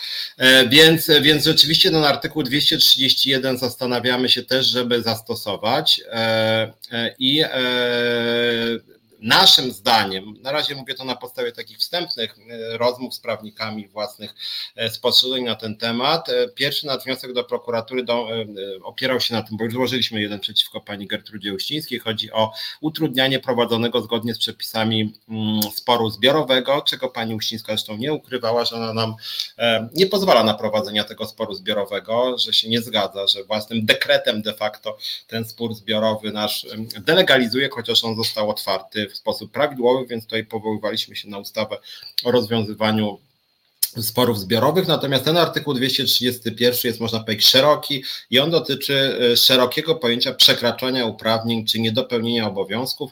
E, uważam przykładowo, że na przykład wydawanie dużych środków pieniężnych na procesy przeciwko liderom związkowym w oparciu o widzimisię pani prezes, e, to również jest przekraczanie uprawnień, a przy okazji działanie na szkody firmy. Jak mówię, trudno nam powiedzieć, jakie to są środki, ponieważ pani Uścińska również łamiąc prawo nie chce nam powiedzieć w ramach informacji publicznej, jakie środki zostały już przeznaczone, wydane z pieniędzy Zakładu Ubezpieczeń Społecznych na procesy z liderami związkowymi. Pamiętacie, ostatni proces dotyczył, e, dotyczył naszej kampanii e, referendalnej, naszych spotów e, radiowych i również wtedy zostaliśmy pozwani, wygraliśmy tę sprawę w trybie, że tak powiem, dwudniowym i w pierwszej instancji, i w drugiej. Ostatnio zresztą procesy z panią Usińską w ogóle wszystkie w zasadzie wygrywamy. No i tych procesów procesów jest kilka i my chcemy teraz przejść do kontrataku i rzeczywiście chcemy po prostu panią Uścińską rozliczyć. E, rozważamy też właśnie podobne wnioski wobec innych urzędników państwowych, bo jak powiedziałem, mówię to jako lider związku, ale zarazem jako obywatel, że te działania nominatów pisowskich rzeczywiście są no po prostu bulwersujące, to znaczy oni rzeczywiście wydają na masową skalę pieniądze, pieniądze publiczne, pieniądze z podatków, pieniądze z tego, co my wpłacamy do budżetu państwa, nie to traktują po prostu jakąś swoją prywatną własność i rozdają swoim kolegom, koleżankom, kochankom, babciom, wujkom, ciociom, synom, córkom, no właściwie to jest jakieś wariactwo rozdawania pieniędzy i na to uważam nie może być zgody nas jako obywateli, e, a te środki, które oni w ten sposób wydają, przecież mogłyby być wydane w sposób znacznie lepszy, mogłyby być dzięki temu być wyższej jakości usługi publiczne czy wyższe pensje w sferze e, budżetowej. Jak chodzi o Zakład Ubezpieczeń Społecznych, no pani Uścińska woli wydawać pieniądze na procesy z liderami związkowymi niż na przykład na mm, wyższe pensje dla pracowników. Więc warto o tym pamiętać, o tych artykułach, które tutaj Wam wymieniłem, czyli artykuł 296, czyli wyrządzenie szkody w obrocie gospodarczym. To jest o tych prezesach spółek Skarbu Państwa, między innymi takich jak pan Obajtek, czy z drugiej strony artykuł 231, który moim zdaniem jest dosyć, e, dosyć e, szeroki i który rzeczywiście może być tu wykorzystany. A przy okazji, jak chodzi jeszcze o e, rozdawanie pieniędzy na lewo i prawo przez urzędników państwowych, wydaje mi się, mówię to na razie intuicyjnie i po takich wstępnych analizach prawnych, że część tych aparatczyków pisowskich można by skazywać z artykułu 228, czyli to się nazywa sprzedajność pełniącego funkcję publiczną. Bardzo ładne określenie skądinąd, a to jest prawnicza mowa. E, kto w związku z pełnieniem funkcji publicznej przyjmuje korzyść majątkową lub osobistą albo jej obietnicę, podlega karze pozbawienia wolności od 6 miesięcy do lat 8. E, przy wypadku mniejszej wagi sprawca podlega grzywnie, karze ograniczenia wolności albo pozbawienia wolności do lat dwóch. E, kto w związku z pełnieniem funkcji publicznej przyjmuje korzyść majątkową lub osobistą albo jej obietnicę za zachowanie stanowiące naruszenie przepisów prawa, podlega karze pozbawienia wolności od roku do lat 10.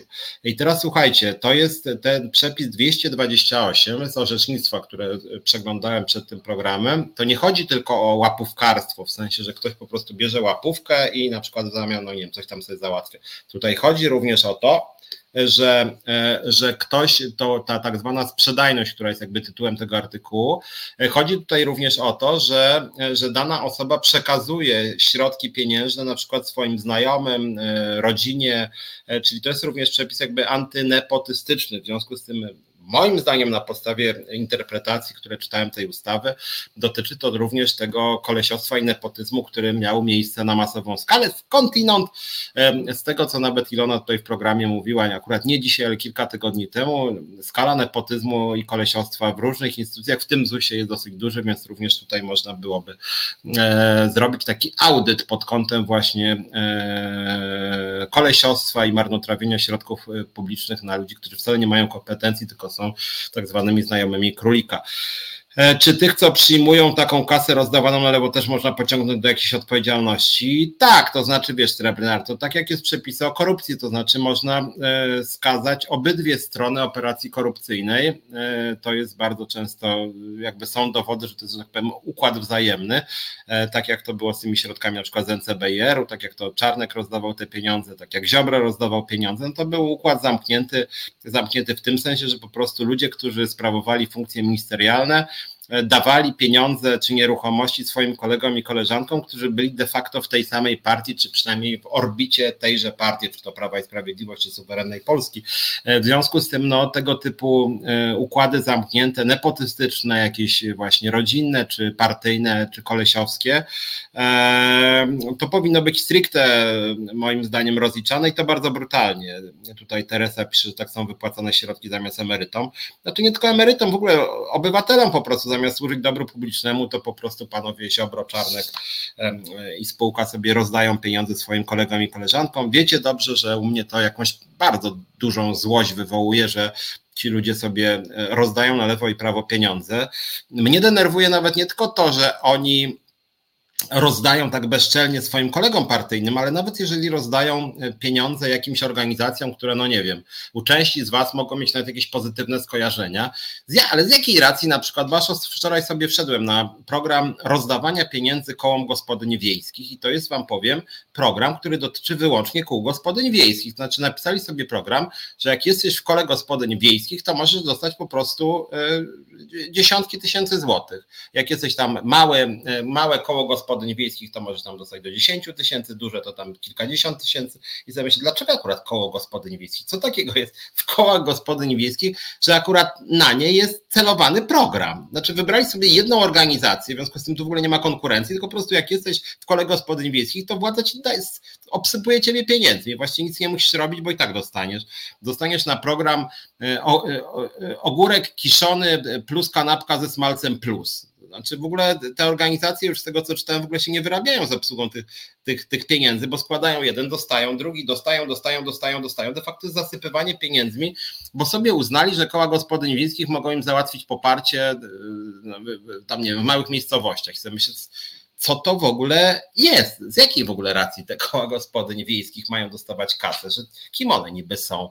E, e, czy ostatnio pan Czarnek wpadł na pomysł, że tam jakieś, jakieś, jakieś oddziały straży pożarnej, jakieś młodzieżówki mają dostać znaczy, co to w ogóle jest? No w ogóle z jakiej racji? Że tak wy, znaczy, to jest takie, właściwie to, to, to jest, wczoraj u Jacka Zimnika rozmawiałem, było, użyliśmy określenia mafijne państwo i tam śmialiśmy się trochę, ponieważ jest orzeczenie Sądu Najwyższego nawet, bo to się o to otarło, że kiedyś Prawo i Sprawiedliwość chyba Czuchnowskiego z Gazety Wyborczej oskarżyło o to, że on użył sformułowania mafijne państwo i ostatecznie w Sądzie Najwyższym, z tego co mówił Jacek Zimnik, Czuchnowski wygrał i Sąd Najwyższy uznał, że to jest dopuszczalne sformułowanie, więc stąd używam pojęcia mafijnego państwa, bo jest wyrok Sądu Najwyższego, że można używać tego terminu, ale niezależnie od tego, czy można, dlatego że to się mieści w granicach wolności słowa, czy, albo czy można, że jest to po prostu prawdziwe, to uważam, że to jest w dużej mierze adekwatne, to znaczy traktowanie państwa jako łup partyjnego, to znaczy to rzeczywiście jest takie mafijne państwo. Znaczy to, że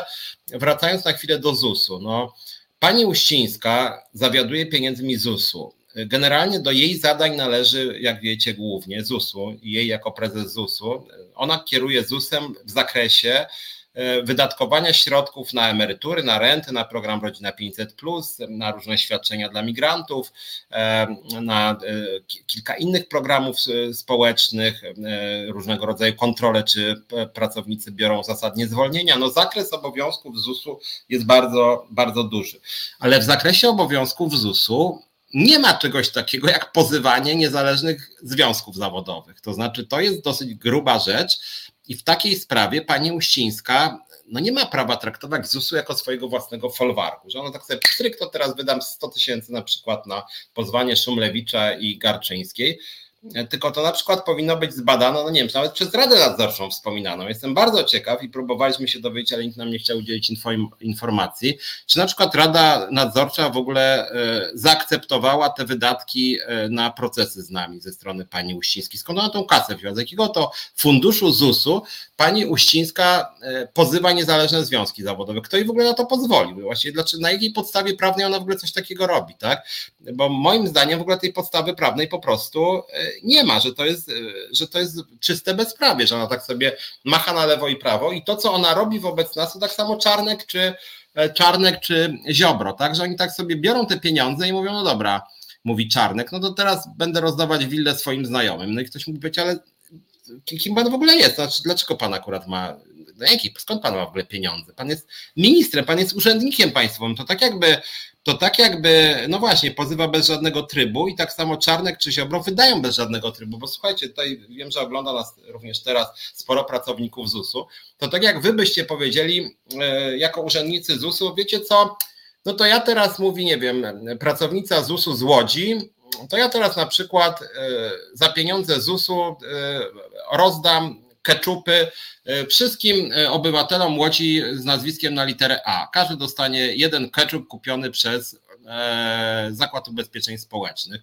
No i później byłby na przykład telefon, ale dlaczego ty to zrobiłeś? Ja bo tak w sumie uznałam, że ci na literę A to im się należy należy im się ketchup, nie? I rzeczywiście Jezus później rozdaje ketchupy wszystkim, którzy mają nazwisko na przykład na literę A albo Z. E, I trochę tak działa pan Czarnek czy pan Ziobro, to znaczy szczególnie Czarnek ostatnio, tej ostatniej prostej, tak? Dobra, rozdam teraz pieniądze tu, tu, tu i tu. Do tego stopnia rozda, że nawet część tych organizacji, którym on rozdaje pieniądze, oni nawet nie musieli sobie grantów de facto przygotowywać, pisać, tylko po prostu de facto ministerstwo im przygotowało na, ostatni, na ostatnią chwilę że wręcz wciskano tym ludziom te pieniądze, tak? Tak samo jak tym kołom gospodyń wiejskich, że im się właściwie tak, tak się wciska tą kasę, tak? Znaczy na przykład pomysł e, rządu, o którym to już chyba wspominałem, bo to w ogóle to jest tak naprawdę jakaś kryminalna działalność, że tuż przed wyborami dwóch ministrów obiecało, że każda gmina, której frekwencja przekroczy 60%, dostanie 250 tysięcy. I znowu, no, totalnie poza trybem. No mówię, niezależnie od tego, czy komuś się ten pomysł podoba, czy nie, jak w ogóle można wydawać pieniądze tak totalnie poza trybem, że ten minister stoi i nagle mówi, dobra, to każdy, kto tutaj będzie miał fajną frekwencję, 250 patyka dostanie ode mnie. No to właściwie jakby w szanującym się kraju, jak ja bym był prokuratorem generalnym, a, a z drugiej strony jakbym był ministrem finansów, bym powiedział, słuchaj człowieku, czy albo to jest wariactwo, albo za pół godziny zostaniesz wyprowadzony w kajdankach, ponieważ marnotrawisz środki publiczne w oparciu o swoje widzimisię. W ogóle nie masz tych pieniędzy, a jeżeli wyciągasz je z pieniędzy e, ministerialnych na jakieś, za przeproszeniem, pierdoły, no to to jest w ogóle kryminalna działalność, to jest okradanie państwa.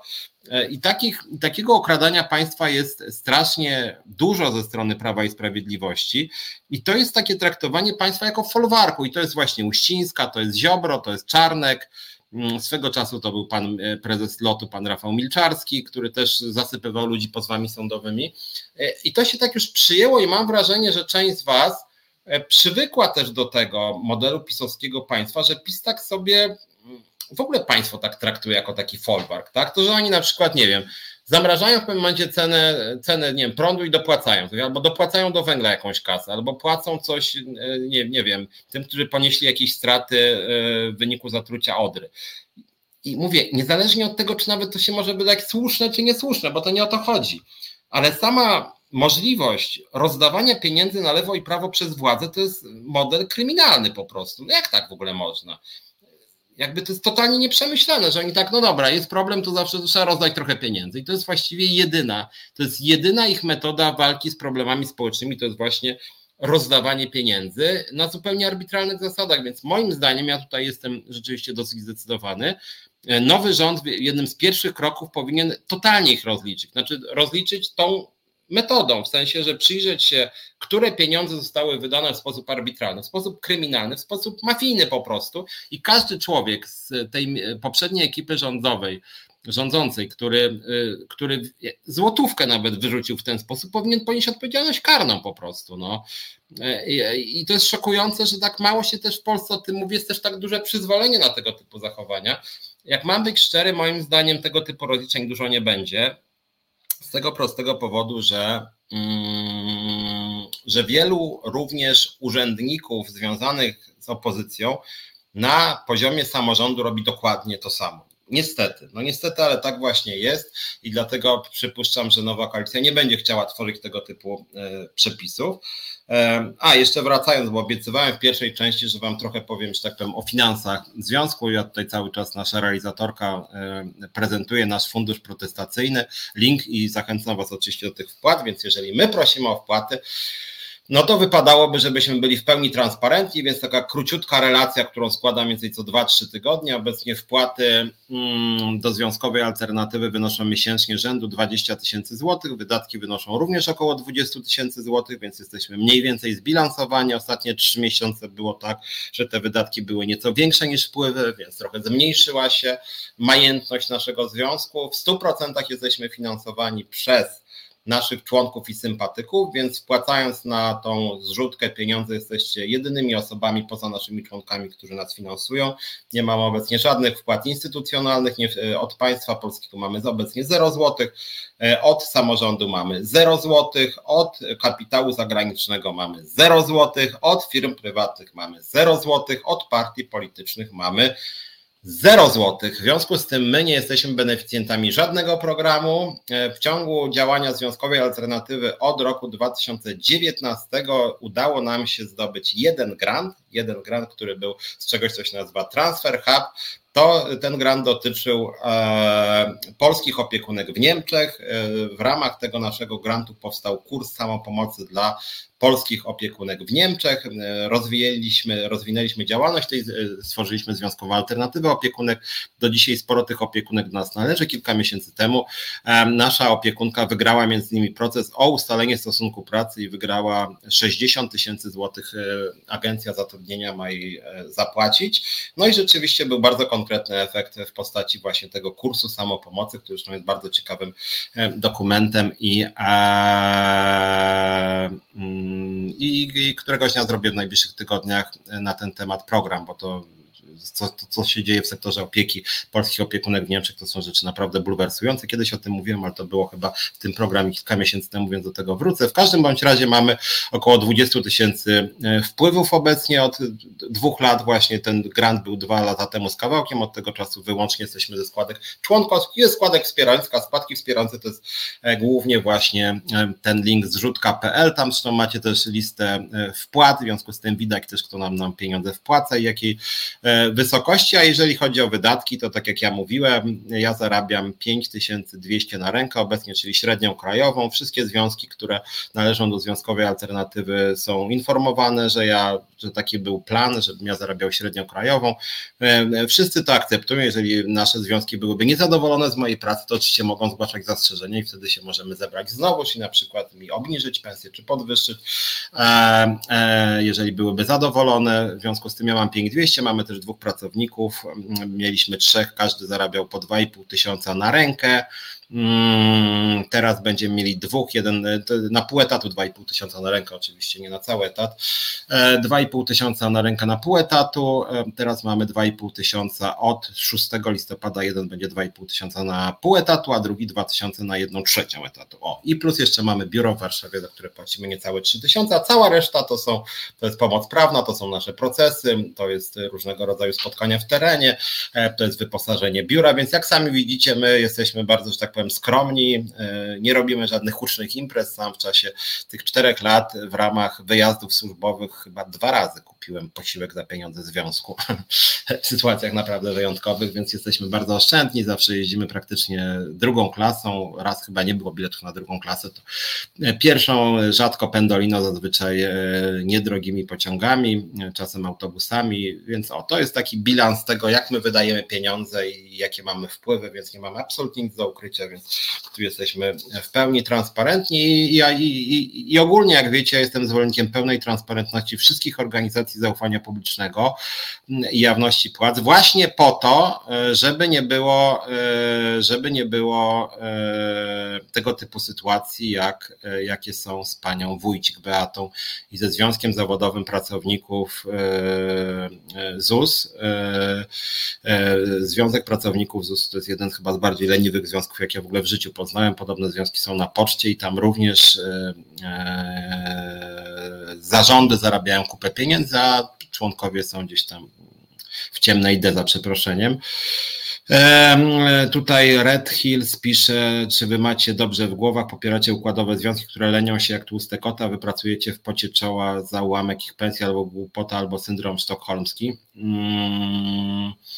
Znaczy nie no, ja, ja, ja ja się zgadzam z Red Hillsem, no, ja, znaczy uważam, że część popiera układowe związki, czyli właśnie OPZ Solidarność i Forum i ten dzisiejszy program, pierwsza część, właśnie między innymi Ilona starała się odsłonić te patologiczne y, mechanizmy funkcjonowania, w tym przypadku OPZZ-u. Moim zdaniem, ja wam od razu powiem, że z tymi związkami jest trochę tak jak z kościołami, mm, znaczy w momencie, kiedy nie ma jawności, to jest pokusa. E, bo o co chodzi z Kościołem katolickim? Znaczy, ja nie lubię Kościoła katolickiego, ale uważam, że każdy może sobie oceniać Kościół jak chce. Natomiast jeden mechanizm jest patologiczny i również osoby, moim zdaniem, głęboko wierzące powinny e, się tu ze mną zgadzać. Z tego co wiem, wiele osób się e, ze mną zgadza w tej sprawie.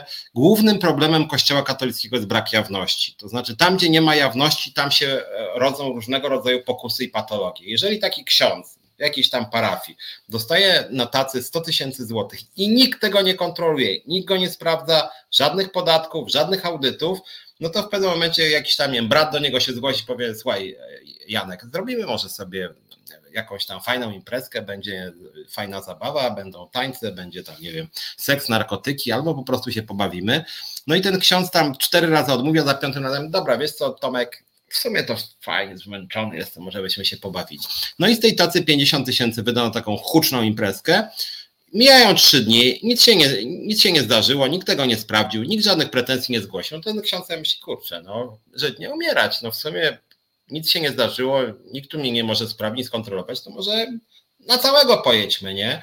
No i w ten sposób można powiedzieć, jeżeli nie ma żadnej kontroli, żadnego sprzężenia zwrotnego, żadnej, żadnego nadzoru, no to nawet ludzie, którzy wcale nie są tacy źli, że tak powiem, tylko po prostu są, nie wiem, podatni na pokusy, że tak powiem, e, no to temu ulegają. I czasem, moim zdaniem, podobnie w związkach zawodowych. To znaczy, jeżeli pani Beata Wójcik dostaje e, e, kupę kasy, my nie jesteśmy związkiem układowym, tak, więc e, jeżeli te zarzuty Red Hillsa były między innymi do nas, to jakby my nie, nie czujemy się adresatem, że tak powiem. Zresztą my staramy się być w pełni transparentni, nawet to, to teraz mówię, mam nadzieję, że dla Was brzmi jakoś wiarygodnie e, i staramy się dosyć szczegółowo mówić o naszych finansach. No w każdym bądź razie, jeżeli taka pani Wójcik z, ze Związku Zawodowego Pracowników ZUS dostaje, nie wiem, 15 tysięcy, nic totalnie nie robi, jeszcze nie wiem, pojedzie sobie na miesiąc, nie wiem, na Kanary albo do, na Kubę, czy tam nie wiem gdzie, do Meksyku i nikt w ogóle na to nie zwraca uwagi, nikt nawet o tym nie wie, nikt się nie musi o tym dowiedzieć, ona nie, nikt na nią nie naciska, że ma prawo zdawać te e, swoje wydatki, no to jak raz ona to zrobi, jak raz po prostu y, wyda mnóstwo pieniędzy związkowych na jakieś swoje partykularne interesy, no to sobie myśli później, kurczę, żyć nie umierać, no nikt mnie nie kontroluje, nikt niczego ode mnie nie oczekuje, no to jedziemy na całego. I to jest moim zdaniem, te tłuste koty związkowe są takie same jak i tłuści biskupi. Znaczy mechanizm jest dokładnie taki sam, dlatego moim zdaniem i e, dlatego moim zdaniem jedyną, e, że tak powiem, dobrą odpowiedzią na tę patologię jest pełna jawność finansów organizacji zaufania publicznego, e, publicznie jawne sprawozdania finansowe, bezpośredni nadzór też członków związku, bo tutaj to akurat, to akurat można nieustawowo zrobić, tak? Akurat członkowie związku mogą naciskać na swoich liderów, żeby oni im pokazywali, na co są przekazywane ich składki. Ja jako lider Związkowej Alternatywy jestem w pełni otwarty, wszyscy nasi członkowie mogą do mnie dzwonić, mogą pytać, a na co te pieniądze zostały wydane, a ile ty razy wydałeś, nie wiem, na hotel, a jeżeli wydałeś na hotel, to dlaczego akurat, nie wiem, w Bydgoszczy albo w Gdańsku, co ty tam robiłeś? Ja wtedy odpowiadam, tak? I jeżeli te odpowiedzi nie brzmią wiarygodnie, to ci ludzie mogą, nie wiem, zwołać walny i powiedzieć, E, mamy tutaj dokumenty, że pan Piotr wydał pieniądze w nieprawidłowy sposób i wtedy ja się tłumaczę przy szerszym gremium. No tak to powinno wyglądać, tak? Natomiast niestety jest tak, że w tych dużych centralach związkowych taki Duda, taki Piotr Ostrowski, taki jakiś Michał Lewandowski, jakiś tam Radzikowski z OPZZ-u, Redmer czy Solidarności, jacyś tam baronowie Dudy, oni mogą mieć wywalone na wszystko, bo oni mają full kasy, e, właściwie nikt ich specjalnie nie kontroluje, nikt nie zadaje pytań i sobie po prostu żyją żyć nie umierać, tak? Tak jak ta Beata Wójcik. Dostaje w grudniu 40 parę tysięcy 2021 i po prostu i co? No 40 tysięcy w miesiąc, przyznam wam szczerze, że nigdy połowę tego nie zarobiłem w miesiąc, a jestem dziennikarzem, więc niektórzy z Was pomyśleli, że tu się dobrze zarabia. A ja tymczasem powtarzam, nigdy nie zarobiłem połowę tego, co pani, e, co pani Wójcik w miesiąc. Połowę, więc jeżeli ona 45 straszne pieniądze swoją drogą, nie?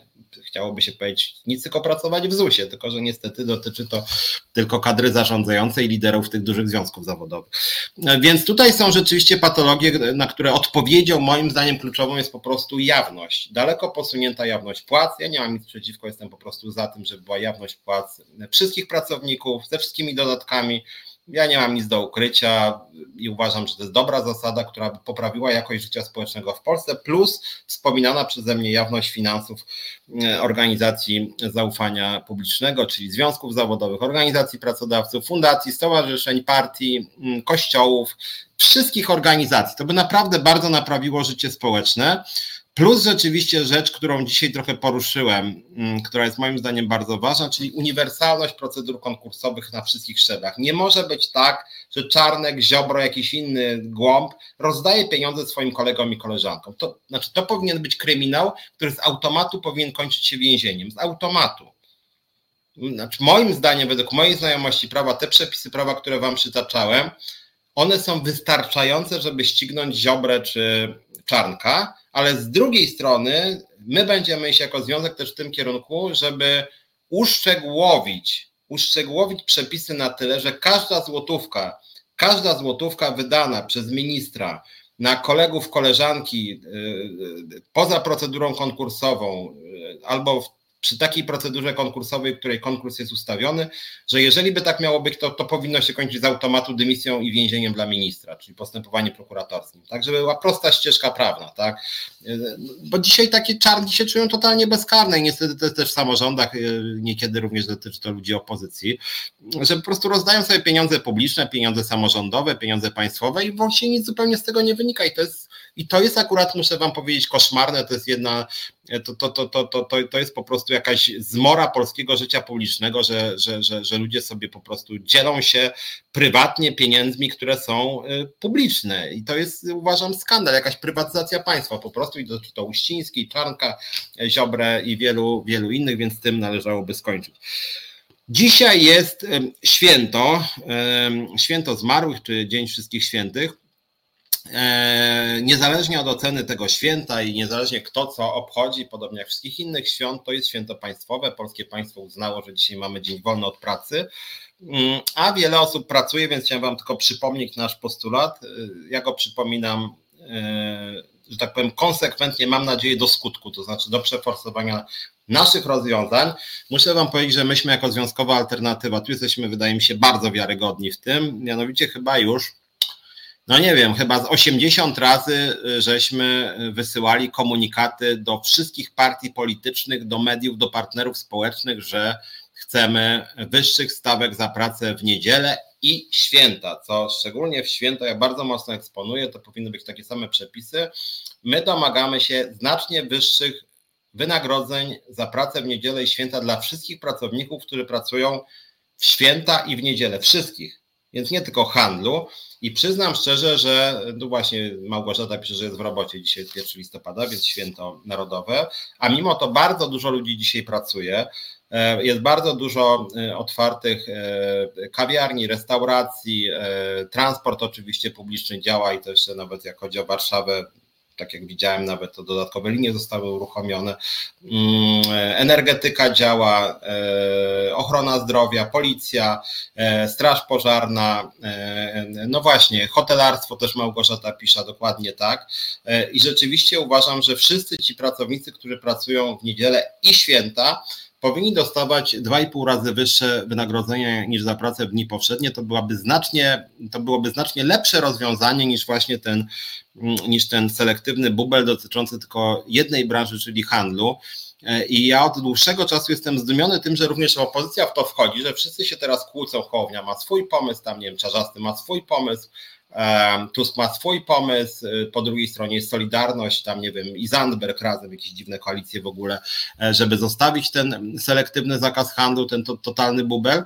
Mm, więc moim zdaniem, zamiast jakiegoś tworzenia jakichś potworków prawnych dotyczących handlu w niedzielę, i to albo części handlu w ogóle, to jest jakiś kosmos, warto byłoby wprowadzić uniwersalną zasadę, że za każdą pracę w niedzielę i wszystkie święta państwowe, święta państwowe, czyli te, w ramach których polskie państwo uznało, że jest to dzień ustawowo wolny od pracy, ludzie powinni dostawać 2,5 razy wyższe wynagrodzenia i nie w ramach jakiejś ustawy oddzielnej o pracy w niedzielę, tylko po prostu wpisać do kodeksu pracy szczegółowe zasady, że za pracę w niedzielę i święta należy się 2,5 razy wyższe wynagrodzenie. Ja wiem, że w tej sprawie są zdania bardzo podzielone, więc powinna być dyskusja na ten temat, oczywiście partnerów społecznych, tak zwanych. Być może w ramach tej debaty zostałoby, tak jak teraz pisze Ben Kruczek, czyli e, dwa razy, a nie dwa i pół. Dwa razy również było potężnym krokiem naprzód, nawet półtora było potężnym krokiem naprzód, ale moim zdaniem to jednak byłoby mało, więc my jako związek proponujemy dwa i pół. Gdyby wprowadzono razy dwa, to też uważam, że byłby e, bardzo e, duży krok naprzód i bardzo dobre rozwiązanie. Natomiast to powinny być rozwiązania powszechne. Nie, że dla części handlu, że w części handlu zakazujemy, a w części na przykład dajemy razy dwa, a wszystkie inne branże nas w ogóle nie interesują.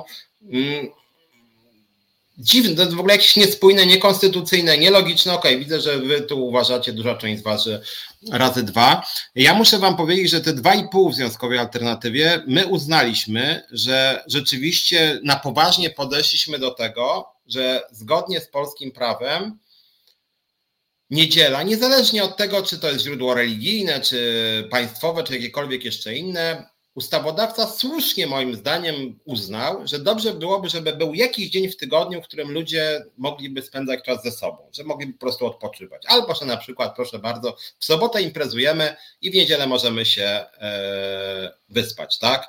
Panią Małgorzatę oczywiście serdecznie, serdecznie zapraszam do Związkowej Alternatywy.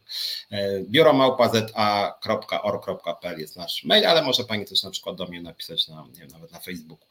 E, natomiast wracając do tego, co mówiłem, My postawiliśmy 2,5 razy wyższe wynagrodzenia właśnie dlatego, że na poważnie traktujemy to, że niedziela jest dniem ustawowo wolnym od pracy, kiedy każdy z nas może chcieć iść na spacer z bliską osobą, spędzić czas e, e, z kolegami i koleżankami, e, poleżeć sobie na trawie, pójść do hipermarketu, proszę bardzo, jeżeli jest otwarty, czy do kawiarni, cokolwiek bądź, spać, uprawiać seks, tańczyć, co kto lubi.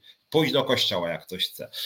I, i, I z drugiej strony uważamy, że te 2,5 to faktycznie byłoby dużo, ale na przykład dzięki temu 2,5, że jeżeli już tracę tą niedzielę i decyduję się pracować i nie spędzam tej niedzieli z kolegami, koleżankami, mężem, żoną, kim tam jeszcze, mamą, tatą, e, to w takim razie powinienem mieć godny ekwiwalent. To jest jedna sprawa. A druga sprawa jest taka, że gdyby było 2,5 razy więcej, e, to, e, to wtedy osoby, ludziom łatwiej byłoby i mężczyznom i kobietom łatwiej byłoby łączyć obowiązki pracownicze i rodzinne, bo jeżeli na przykład Jestem na przykład, naleśnik mi się spalił, no to jak, to trzeba uważać na naleśniki.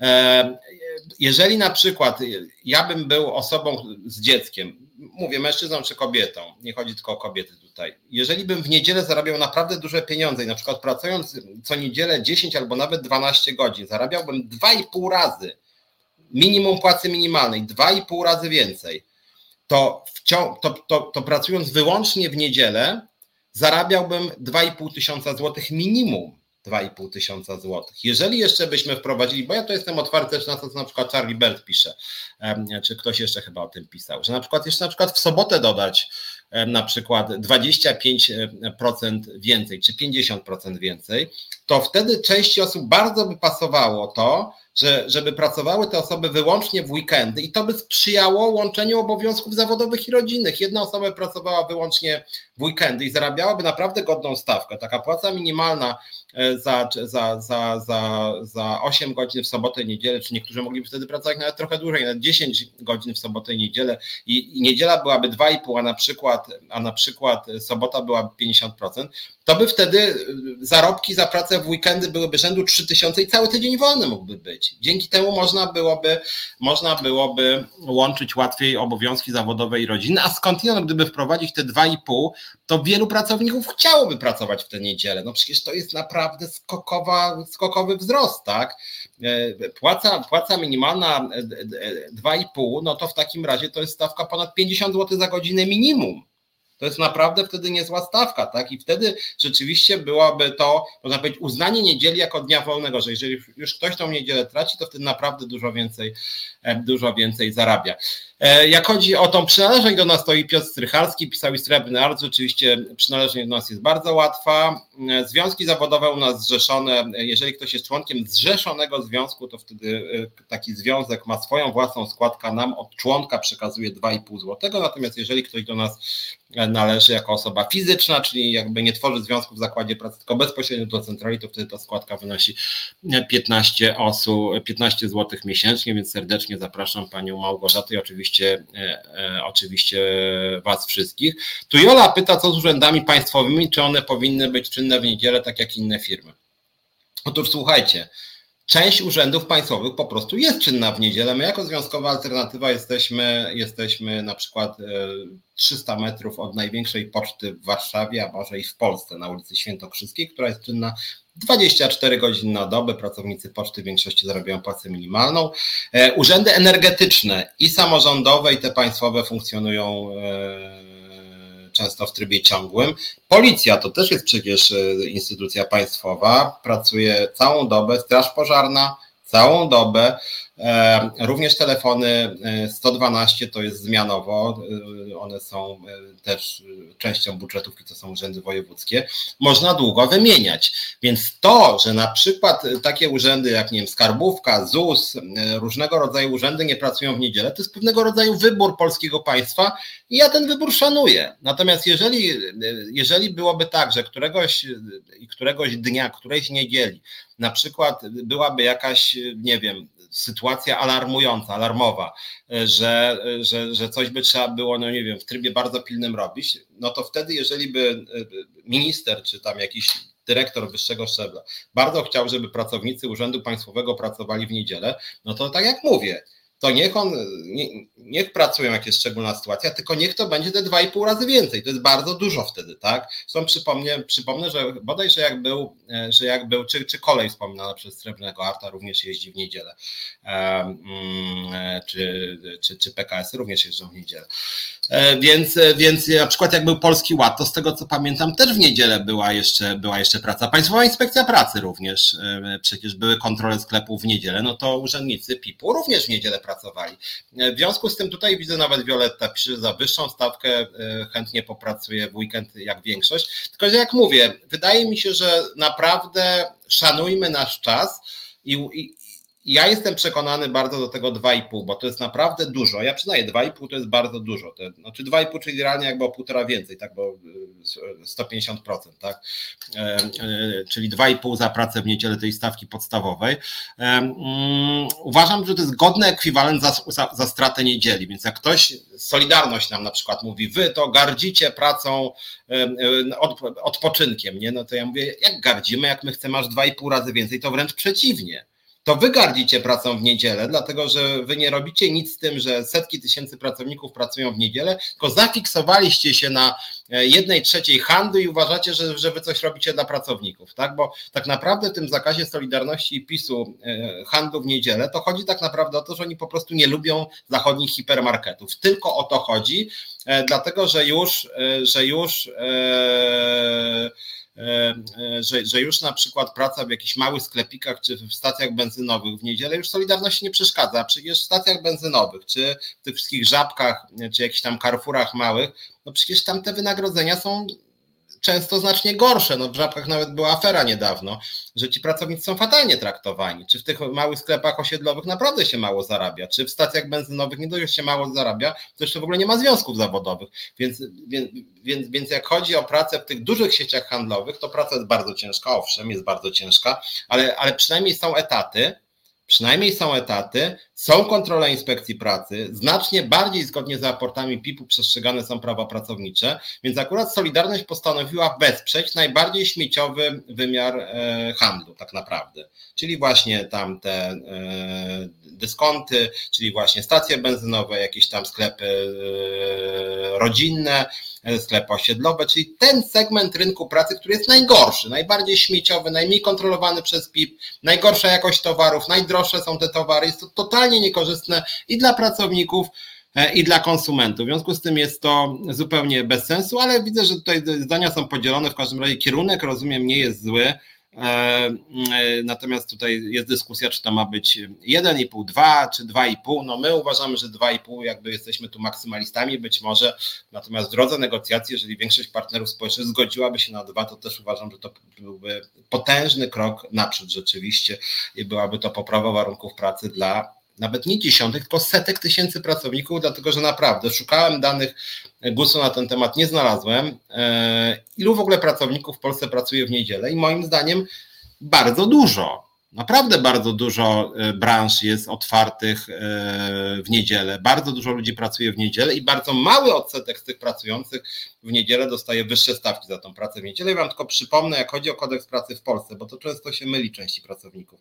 Otóż w Polsce jest tak, że niedziela jest lepiej płatna tylko wtedy, przynajmniej ustawowo, kiedy niedziela jest dodatkowym dniem pracy, kiedy to są nadgodziny, czyli kiedy pracujemy poniedziałek, wtorek, środa, czwartek, piątek, niedziela. Natomiast kiedy pracujemy poniedziałek, wtorek, środa, czwartek, niedziela, to wtedy nie jest to lepiej płatne. Więc o tym warto pamiętać. Miałem też dzisiaj wspomnieć trochę o o tym, co się dzieje e, z lektorami języków obcych, więc może ten temat sobie przesunę, natomiast przypomnę Wam tylko sygnalnie, przypomnę, bo tam się rzeczywiście rozwijamy. E, mianowicie tam jest tak, że lektorzy języków obcych nie dostają pieniędzy za prowadzenie zajęć, tylko dostają pieniądze w ramach umów o dzieło e, za przygotowane skrypty do zajęć. Więc za same zajęcia dostają 0 zł, natomiast za skrypty E, dostają, nie wiem, powiedzmy 3 czy 4 tysiące złotych e, miesięcznie w ramach umów cywilnoprawnych, więc w ogóle jest to moim zdaniem jawne omijanie przepisów prawa pracy. No niestety w Polsce to tak jest, że z tymi przepisami jest bardzo słabo. I druga sprawa, którą też e, przesunę sobie na za tydzień, ale sygnalnie chciałem Wam tylko o tym przypomnieć. Cały czas walczymy o przywrócenie e, do pracy Rafała Ślusarczyka w miejskich zakładach energetyki cieplnej w Kędzierzynie Koźlu, gdzie dzieje się naprawdę niedobrze. E, pani Sabina Nowosielska, prezydent miasta, wspierana przez Platformę Obywatelską, niestety godzi się na bezprawie, na wyzysk, na brutalne prześladowanie niezależnych związków zawodowych. E, prezes firmy pani Gondek Rypel, no niestety z taką wręcz e, perwersyjną satysfakcją łamie prawo pracy, ale do tego będziemy wracać i my w tym temacie nie odpuścimy. Jeżeli ktoś z Kędzierzyna Kozia nas e, obserwuje, to pamiętajcie, nie odpuścimy tego, więc sugerujemy, żeby, żeby Rafała Ślusarczyka przywrócić do pracy i przestać prześladować nasz związek. Dobra, słuchajcie, e, bardzo, bardzo Wam e, dziękuję. Mm, widzimy się za tydzień w środę. Nie wiem, jak będzie w piątek, bo wiem, że Wojtko Krzyżaniak ostatnio był w szpitalu, oczywiście wszyscy mu, ja szczególnie życzę mu, żeby wszystko tam było bardzo dobrze, tam miał operację z tego co wiem, e, żeby szybko doszło do zdrowia, ale jeżeli w piątek będzie program, to może część poprowadzę sam, bo przypuszczam, że Wojtko będzie dochodził do siebie, z tego co wiem, jego jakby czuje się chyba dobrze, natomiast no w piątek może programu po prostu on nie prowadzić, przypuszczam, że nie będzie, jeżeli będzie program, to może ja ten program sam jakoś przynajmniej część poprowadzę, ale jeszcze do, myślę, że z Wojtkiem to ustalimy. W każdym bądź razie na pewno widzimy się i słyszymy za tydzień mm, i będziemy rozmawiać, no tak jak też dzisiaj o ZUS-ie, o Kędzierzynie Koźlu, ale również o innych sprawach, też więcej o tym Kędzierzynie Koźlu i o tych e, lektorach języków obcych powiem, a jak będzie coś nowego o ZUS-ie, to oczywiście też Wam o tym powiem. Raz jeszcze tylko zapraszam do Związkowej Alternatywy. Piszcie, jak chodzi o pracowników ZUS-u, na ilomałpa.op.pl albo na biuro małpa.za.org.pl. Apeluję też jeszcze raz między innymi do pracowników Związku Zawodowego Pracowników ZUS-u zrzeszonych w OPZZ. Naprawdę występujcie z tego związku, to to są bardzo nieciekawe władze, nie ma sensu tam płacić składek. To, czy chcecie do nas przystąpić, to może jeszcze pomyślcie, posłuchajcie tego programu, sami nas ocencie. Natomiast wydaje mi się, że nie ma sensu firmować związków zawodowych, których e, władze są po prostu nieuczciwe. My staramy się być w każdym razie uczciwi i transparentni. Bardzo Wam dziękuję, trzymajcie się, widzimy się i słyszymy za tydzień o 17. Na razie.